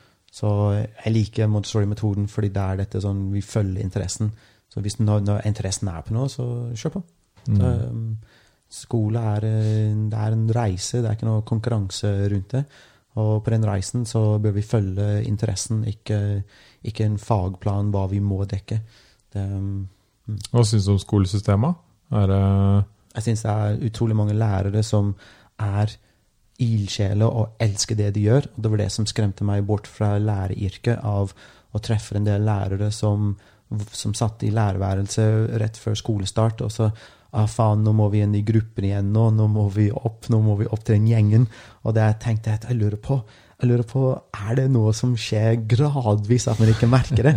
Så mens jeg digget, mens jeg digget hadde verdens kuleste jobb, så slutter jeg. mm. Ikke sant? Det Er det én ting jeg er spent på hvordan det blir i framtiden, er det skolesystemet. Mm. Og hvordan man kan forhåpentligvis legge bedre rette til at uh, kidsa får mulighet til å, som du sier, da, fokusere på det de interesserer seg for. Mm. Og så er det klart det er nyttig å lære om andre fag og andre ting, men det er veldig vanskelig for en unge å lære litt om alt, Mm. og ikke bli god på noe. Eller i hvert fall få muligheten til å teste og bli god på det. Mm. Ikke sant? Det kan jo være at et, etter tre måneder så bare Nei, matte var ikke noe for meg. Mm. Men da har du i hvert fall gitt ungen en, en stor mulighet da, til å Nå gir vi han øh, tre timer ekstra i uka Mm. med matte. Men sånn er som du sier, systemet er ikke bygd sånn i dag. Nei, jeg, jeg hadde blitt, Hvis jeg var sjef for, eh, for en stund, så hadde jeg blitt kvitt alle tester, alle nasjonale prøver, og hadde blandet, jeg hadde blandet etter interesse i skolen. Mm. Altså, og jeg vet at folk tenker med en gang men det går ikke. Men, men det går. Um, å blande første til syvende klasse, hvor syvende klasse gjør undervisning til første klasse. Og hvis de, hvis de kunne virkelig undervise noe bort til førsteklassingen, da kan du det. Da har de forstått de hovedprinsippene bak det. Um, så er det organisert etter det, um, uten tvil. Og hadde økt den tilliten masse. De jobbet masse med tilliten mellom foreldre og skolen. Jeg synes det er ganske, altså Jeg bor ute i ut på Rødtvet, og i Groruddalen så er det ganske mange innvandrerfamilier som er der. Og jeg sliter selv, norsken min er ganske ok, og jeg sliter selv på foreldremøter hvor de kommer ut med massevis av begreper. Jeg tenker what? Hva er det de snakker om? Og det er masse forkortelser. Hvis man er i skolesystem eller har hatt eldre søsken, så er det greit. Da skjønner man hva de snakker om. Men det er så mange foreldremøter hvor jeg, jeg, jeg snakker med rektoren etterpå og sier vet du hva, jeg tror de må forenkle litt. Må forenkle litt alle disse regler og teste hit og dit og prøver og hva som skjer. Det er mange ganger jeg går ut til foreldremøter og jeg snakker med andre. tenker jeg vet du hva, jeg, klar, jeg klarte ikke å følge med på det der. Jeg skjønner ikke hva de snakker om egentlig. Det er et par ting som jeg må lese litt på. Og jeg ser flere, flere innvandrerfamilier som får tolk eh, på disse foreldremøtene, og jeg tenker wow, det er flere ganger tolken bare sier vet du hva, jeg vet ikke helt. og det er sånn, eh, det syns jeg at vi må kanskje, kanskje ta oss litt i at vi må ha et enklere, enklere system for foreldre å bli og øke den tilliten ved at, uh, dette, at vi er i dette sammen. Og det som kommer ut er at vi har barn som har um, mer interesse for det, de, som, for det de virkelig liker. Det hadde vært noe fint, men um, ja, det er kanskje litt utopisk. Ja, men uh, man må jo drømme, og man må jo på en måte tenke sammen og skape en framtid sammen. Mm. Alt er mulig. Mm. Ikke sant? Vi har jo vært på månen, og vi har jo vært på Mars. Hvordan har hjemmekontor og korona sånn vært for deg, da? Ja, helt topp. Er, mm. uh, jeg har et rom, og Margrethe, kona mi, hun har et, et, rom, og vi sitter her, og vi Jepp. Det eneste er det som at altså man er i Zoom-møte, og så klikker man ferdig med én Zoom-møte, og så åpner man med neste Zoom-møte, og det er veldig lett å jobbe for mye, syns jeg. Så jeg tror at det er veldig mange i sånn, sånn som jobber som, eh, med dette, hvor vi bare hopper inn ut av møtet. At det er veldig mange veldig lett å bare sånn OK, jeg tar et møte der, og så møte der, og så workshop der, eller kurs der, og så bare vi hopper overalt. og så Den blir nesten At det er lett å gjøre for mye. Um, hvor uh, når vi dro på kontoret, så var det som vi drar inn på kontoret, og så Eller vi er der, og så da, Nå drar vi hjem. Og når vi er hjem, så da var det hjemme. Så nå, uh, nå jobber vi uh, Vi har dette sånn Vi jobber hjemme, og så hvor er, det vi, hvor er det vi bor som mennesker som ikke jobber? Det er sånn, ja, det er også hjemme. Og det er, sånn, det er, det er noen utfordringer rundt det. Mm. Så det er, altså det er alltid positive og negative mm. sider med sånne endringer. Mm. Uh, man blir mer produktiv, man tar mindre pauser. Ja. Eh, da kan man jo kanskje begynne å tenke at man må rett og slett dytte inn pauser i kalenderen sin. Mm. Jeg har et lite buddehode foran laptopen min som sitter liksom eh, på laptopen, og, og den sitter der og smiler for, for hele tiden for meg mens, jeg har disse Zoom-møtene. Og uansett hva som skjer, når jeg tenker oh, hva er det som skjer, jeg snakker til en laptop, så ser jeg budet som bare smiler tilbake. Så dette, dette går fint. ja, det er viktig å ha noen Jeg har jo masse planter og sånn der borte ja. hvor jeg har kontor, men det jeg også merka, er at uh, som du sier, kontor og hjemmet ditt glir sammen. Mm. Og så plutselig sånn, Det blir så mye lettere da, og plutselig kanskje jobbe litt på kvelden, og så blir det lettere på den andre siden og kanskje ta en pause og se på en serie klokka ni om morgenen fordi du Det er ingen som sjekker om du gjør det, ikke sant? Mm. Så det er jo sånn to sider av en sak, men sånn er det jo alltid ved en endring og når man må lære noe nytt. Mm. Og spesielt når det er ingen som har lagt opp veien for deg. Mm. Alle ble jo bare kasta inn i det her. og og sånn, finne ut av det sjæl. Mm. Altså jeg syns det er fantastisk, egentlig. Men det er en del andre folk som, som ikke trives å være hjemme. Det er det jeg tenker på. Sånn, sånn, sånn, det som var stilig for dem, å komme ut av hjemmet, og så de trives for en eller annen grunn, de trives ikke godt hjemme. Så å komme på jobb, det var fint. Det er sånn, Da traff de kollegene, og de ble sett av kollegene, og de kolleger som lyttet til dem. Og det er det samme som under koronasituasjonen og hjemmeskoling for, for kids. Det er, sånn, det er, veldig mange kids som ikke har det kult hjemme. Mm. Og å komme til skolen var sånn Ja, komme ut hjemmefra og komme til skolen. Og så, og så kan det hende at de gjør liksom sprø ting på skolen, men skole for dem var frihet og ikke være hjemme. Det, det, er en tøff eh, situasjon for noen, så er det veldig lett for meg å tenke ja, hjemmekontor, kjør på, og så har det sånn, men jeg skjønner at det er folk som ikke har det så kult. Mm. Det. Jeg har også tenkt det. Det er jo mange som på en måte Der de er sosiale, er på jobb. Mm. Og da er det veldig kjipt å plutselig ikke være på jobb. Ja. Og ikke møte de folka hver dag. Mm. Og det er kanskje det du gleder deg til. Og så sitter du plutselig veldig mye hjemme og er veldig mye alene. Ja. Og er veldig ensom, ikke sant? Ja, Å bo alene i korona Det er som flere land som var som virkelig lockdown. Vi fikk ikke lov å gå ut. Og det, det, var, veld, det var hardt for veldig mange. Mm. Skjønner jeg. Vi har i hvert fall internett nå. Ikke sant? Ja. Det hadde man jo ikke før hvis koronaen truffet. Men da bodde man også, også sikkert mer sammen, så Mm. Men det har jo gjort at vi Ja, folk har jo vært kreative med å ha Jeg har jo sett alt fra vorspiel på Zoom til fester, ikke sant? Brettspill på Zoom. Ja, alt mulig. Sikkert folk som har sex på Zoom òg, for å si det Det sånn. kan godt hende. Jeg tipper det. Eh, brettspill det har vi kjørt over, over nett. Det er jo så stilig. Ja, Brettspill, ja. Mm. Så lenge begge parter har spillet, så kan man kjøre. Jeg spilte mer brettspill da jeg var uh, ung. Og da var det, ikke sant? Monopol var på en måte det lette. Og så kom Risk, Ja. som var litt mer avansert. Ja. Og så husker jeg vi pleide å dra på hytta til en kompis med onkelen hans Ja. og spille Axis and Allies. Har du prøvd det? Ja, det er stilig. Det var liksom Nå skal vi sette av en dag.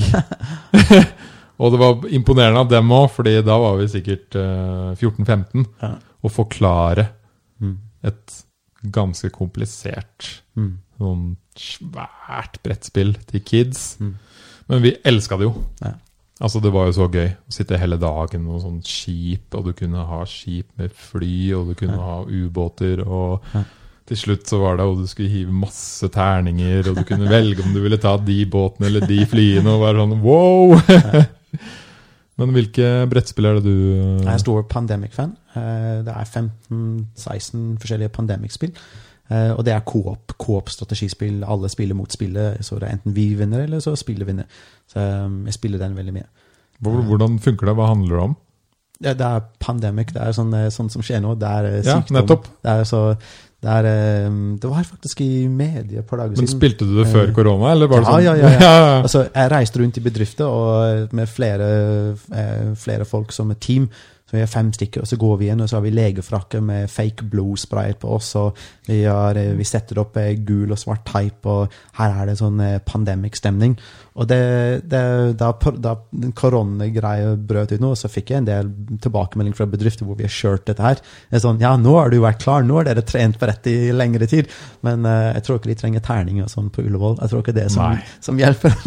Men uh, det er det vi har gjort. Vi har møtt opp hos bedrifter og har det veldig kult. Mm. Å spille sånne spill. Fordi vi, den, vi, klarer, vi klarer å hjelpe teams til å finne ut at, at dette med empati, å sette inn i en rolle, er veldig viktig. Å bruke hverandres styrke er veldig viktig. Å sette pris på forskjellige styrker hos forskjellige mennesker er veldig viktig. Og så alt dette sånn, å spille brettspill med strategi, team-brettspill, er det egentlig vi gjør på jobb hele tiden. Så hvordan kan vi snakke om disse tingene, og vi gjør det safe gjennom et spill. Det var alltid tanken med det. Kult. Og det er et spill alle kan spille?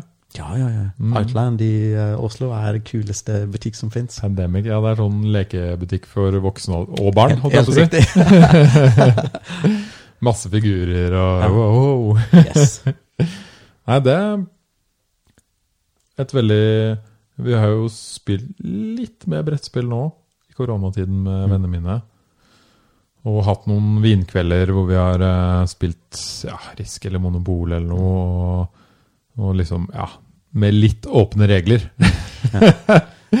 Så du kan liksom bli enig om at ja, hvis du bytter den der uh, Det er som Munchkins brettspill. At, eh, at reglene er at de lages og endres etter hvert, basert på hvor god du er til å krangle for å ha forskjellige regler. mm.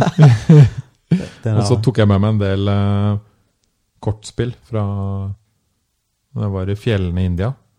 For der spilte jeg masse kortspill med inderne. Mm. Og det var en veldig god måte å bli kjent med folk på. Ja. Fordi av og til så er det lettere å bli kjent med folk når du sitter og gjør noe. Mm. En, en enkel ting, og tenker, tenker sammen og Mm. ler og liksom vinner og taper og Ja. masse forskjellige følelser og sånn. Mm. Da er det ofte lettere å, å føre en, for en samtale Ja. og prate litt, Mm. enn hvis du bare sitter, uh, møter en, en gjeng med indere oppe i fjellet og bare setter deg ned. Ja. Da er det liksom Ok, hva skal vi prate om nå? Fordi uh, en, en, en, ball er alt som trengs. En ball, ja. Eller en kortstokk. That's, that's it. Mm. Så finne på ting, finne på uh, spill. Og kortstokker er jo også så små, vet du, så du kan ha dem med overalt. Mm. Og stort sett når man henger rundt i verden, så er det sånn Hei, vil noen bli med og spille kort? Ja! det er gøy. Ja. Jeg husker vi satt eh, ja, langt oppe i fjellene der og, og spilte kort og snakka om livet og ble bedre kjent som personer. Og da også mye lettere fikk lære om på en måte hvordan de hadde vokst opp, hvordan livet deres var. Mm. Og, Tenk deg, du kunne vært dem, og de kunne vært deg. Og, og, det sånn, og det, når man blir bedre kjent, så tenker man wow, vi er ganske like. Mm. Vi, er sånn, vi er ikke så forskjellige. Det er, eh, og hvis det er mer spill som, som får det til, da, da, da spill mer spill. Det er, um, det er, eh, verden er så liten, og, og, og det å ha empati at vi, Jeg kunne vært dem, de kunne vært meg. Er, altså, sjansene for at jeg er meg også her, og de er dem og de er der, det er, sånn, det er fascinerende å tenke wow til. Veldig fascinerende. Og det er også derfor jeg elsker å møte ting Nei, møte folk overalt i verden. Mm.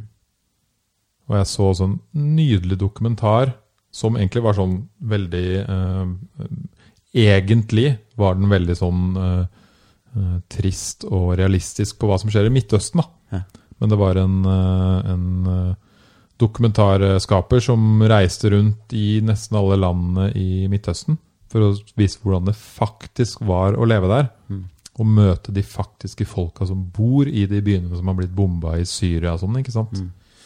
Og han gikk jo gjennom sånne helt bomba byer, og så plutselig bare Oi, der oppe står det jo en dame i et vindu. liksom Alt annet er, er ødelagt rundt henne. Mm. Og så liksom Ja, vi prøver å gå på og hilse på henne. Og fikk komme inn, og det hun hadde igjen, var liksom et kjøkken og, en, og en, et soverom. Men hun bydde på mat, og hun liksom bydde på at de skulle kunne sove der, og de var velkomne, og, og liksom var helt åpen og smilte, ikke sant? Mm. Og han hadde jo trodd noe helt annet. Han gråt jo når han gikk inn i byen, Ja. men kom smilende ut fordi det viste at mennesker er mennesker, og Ja.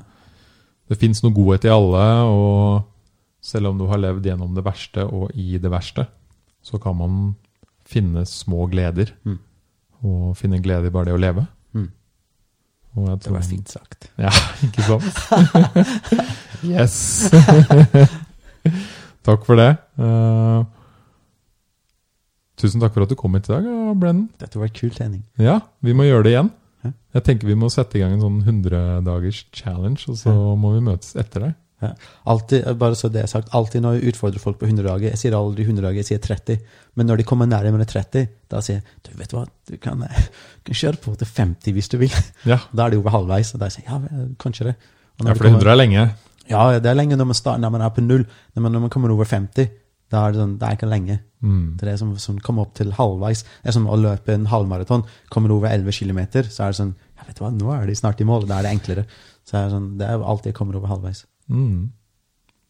Når er du klar for en ny challenge på den? Eh, uh, Har du noen du har lyst til å begynne med? Nei, de popper opp helt tilfeldig av og til. Mm.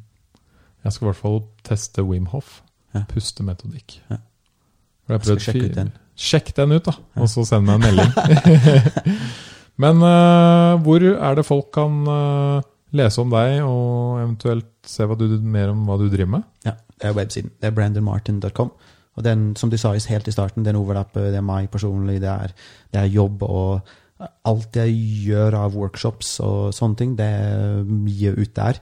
Også på LinkedIn. Det, det er stedet hvor jeg bare publiserer og gir bort alt som Hvis jeg lager noe, så gir jeg det bort gratis. Jeg har alltid tanke på Tenk om jeg dør i morgen. Akkurat før jeg dør, jeg kommer til å tenke at «Å, jeg skulle, skulle gitt den der bort til folk. Så jeg gir alt jeg lager bort eh, sånn jobbmessig. Sånn, hva jeg holder i workshops, eller ting jeg er på 100 dager, eller hva som skjer. Det er på websiden min. Det er um, brandonmartin.com. Brendanmartin.com, Yes. så alle har med seg det. Jeg våkna og tenkte jeg at det navnet der høres ut som en sånn James Bond-film. Det er dritkult. Ja. Brendan Martin. Da tenkte ja, fuck yeah, det der kunne vært en, en ny type James Bond-dude. uh, hvis dere likte episoden i dag, gjerne skriv en kommentar til oss. så kommer vi til å lese dem. Og har dere spørsmål til oss, eller eh, spørsmål til eh, eh, en annen gang, Brennan kanskje kommer på besøk, så gjerne kommenter og skriv hva dere syns. Og finn meg på Instagram på Hennings verden. Eh, takk for at du kom hit i dag. Dette var kult, Henning. Dette er du god på. Er det? Ja. Det er utrolig gøy. Eh, For folk ser ikke dette. Det er en ganske kul, liten setup her. Ja, fortell er- hva du ser her, så kan du Eh, Det, det, det kuleste er den eh, Er det en mixer-greie? Det er en mikser. Ja, en mikser. Så den ser litt sånn diskoaktig ut når man kommer inn. Den er ganske stilig. Men eh, rommet er en sånn kul stemning. Man har den klassiske lampen, man har planter, man har en mikser. Sånn. Alt er liksom kult. Hindu-statue. Ja, ja. ja. Så er det, det er fint her. Så hyggelig. Da takker vi for i dag. Takk. Og kjempefint å se deg og smilet ditt. Ja, Jeg gleder meg til du skal komme tilbake. Ja, Tusen takk. Konge!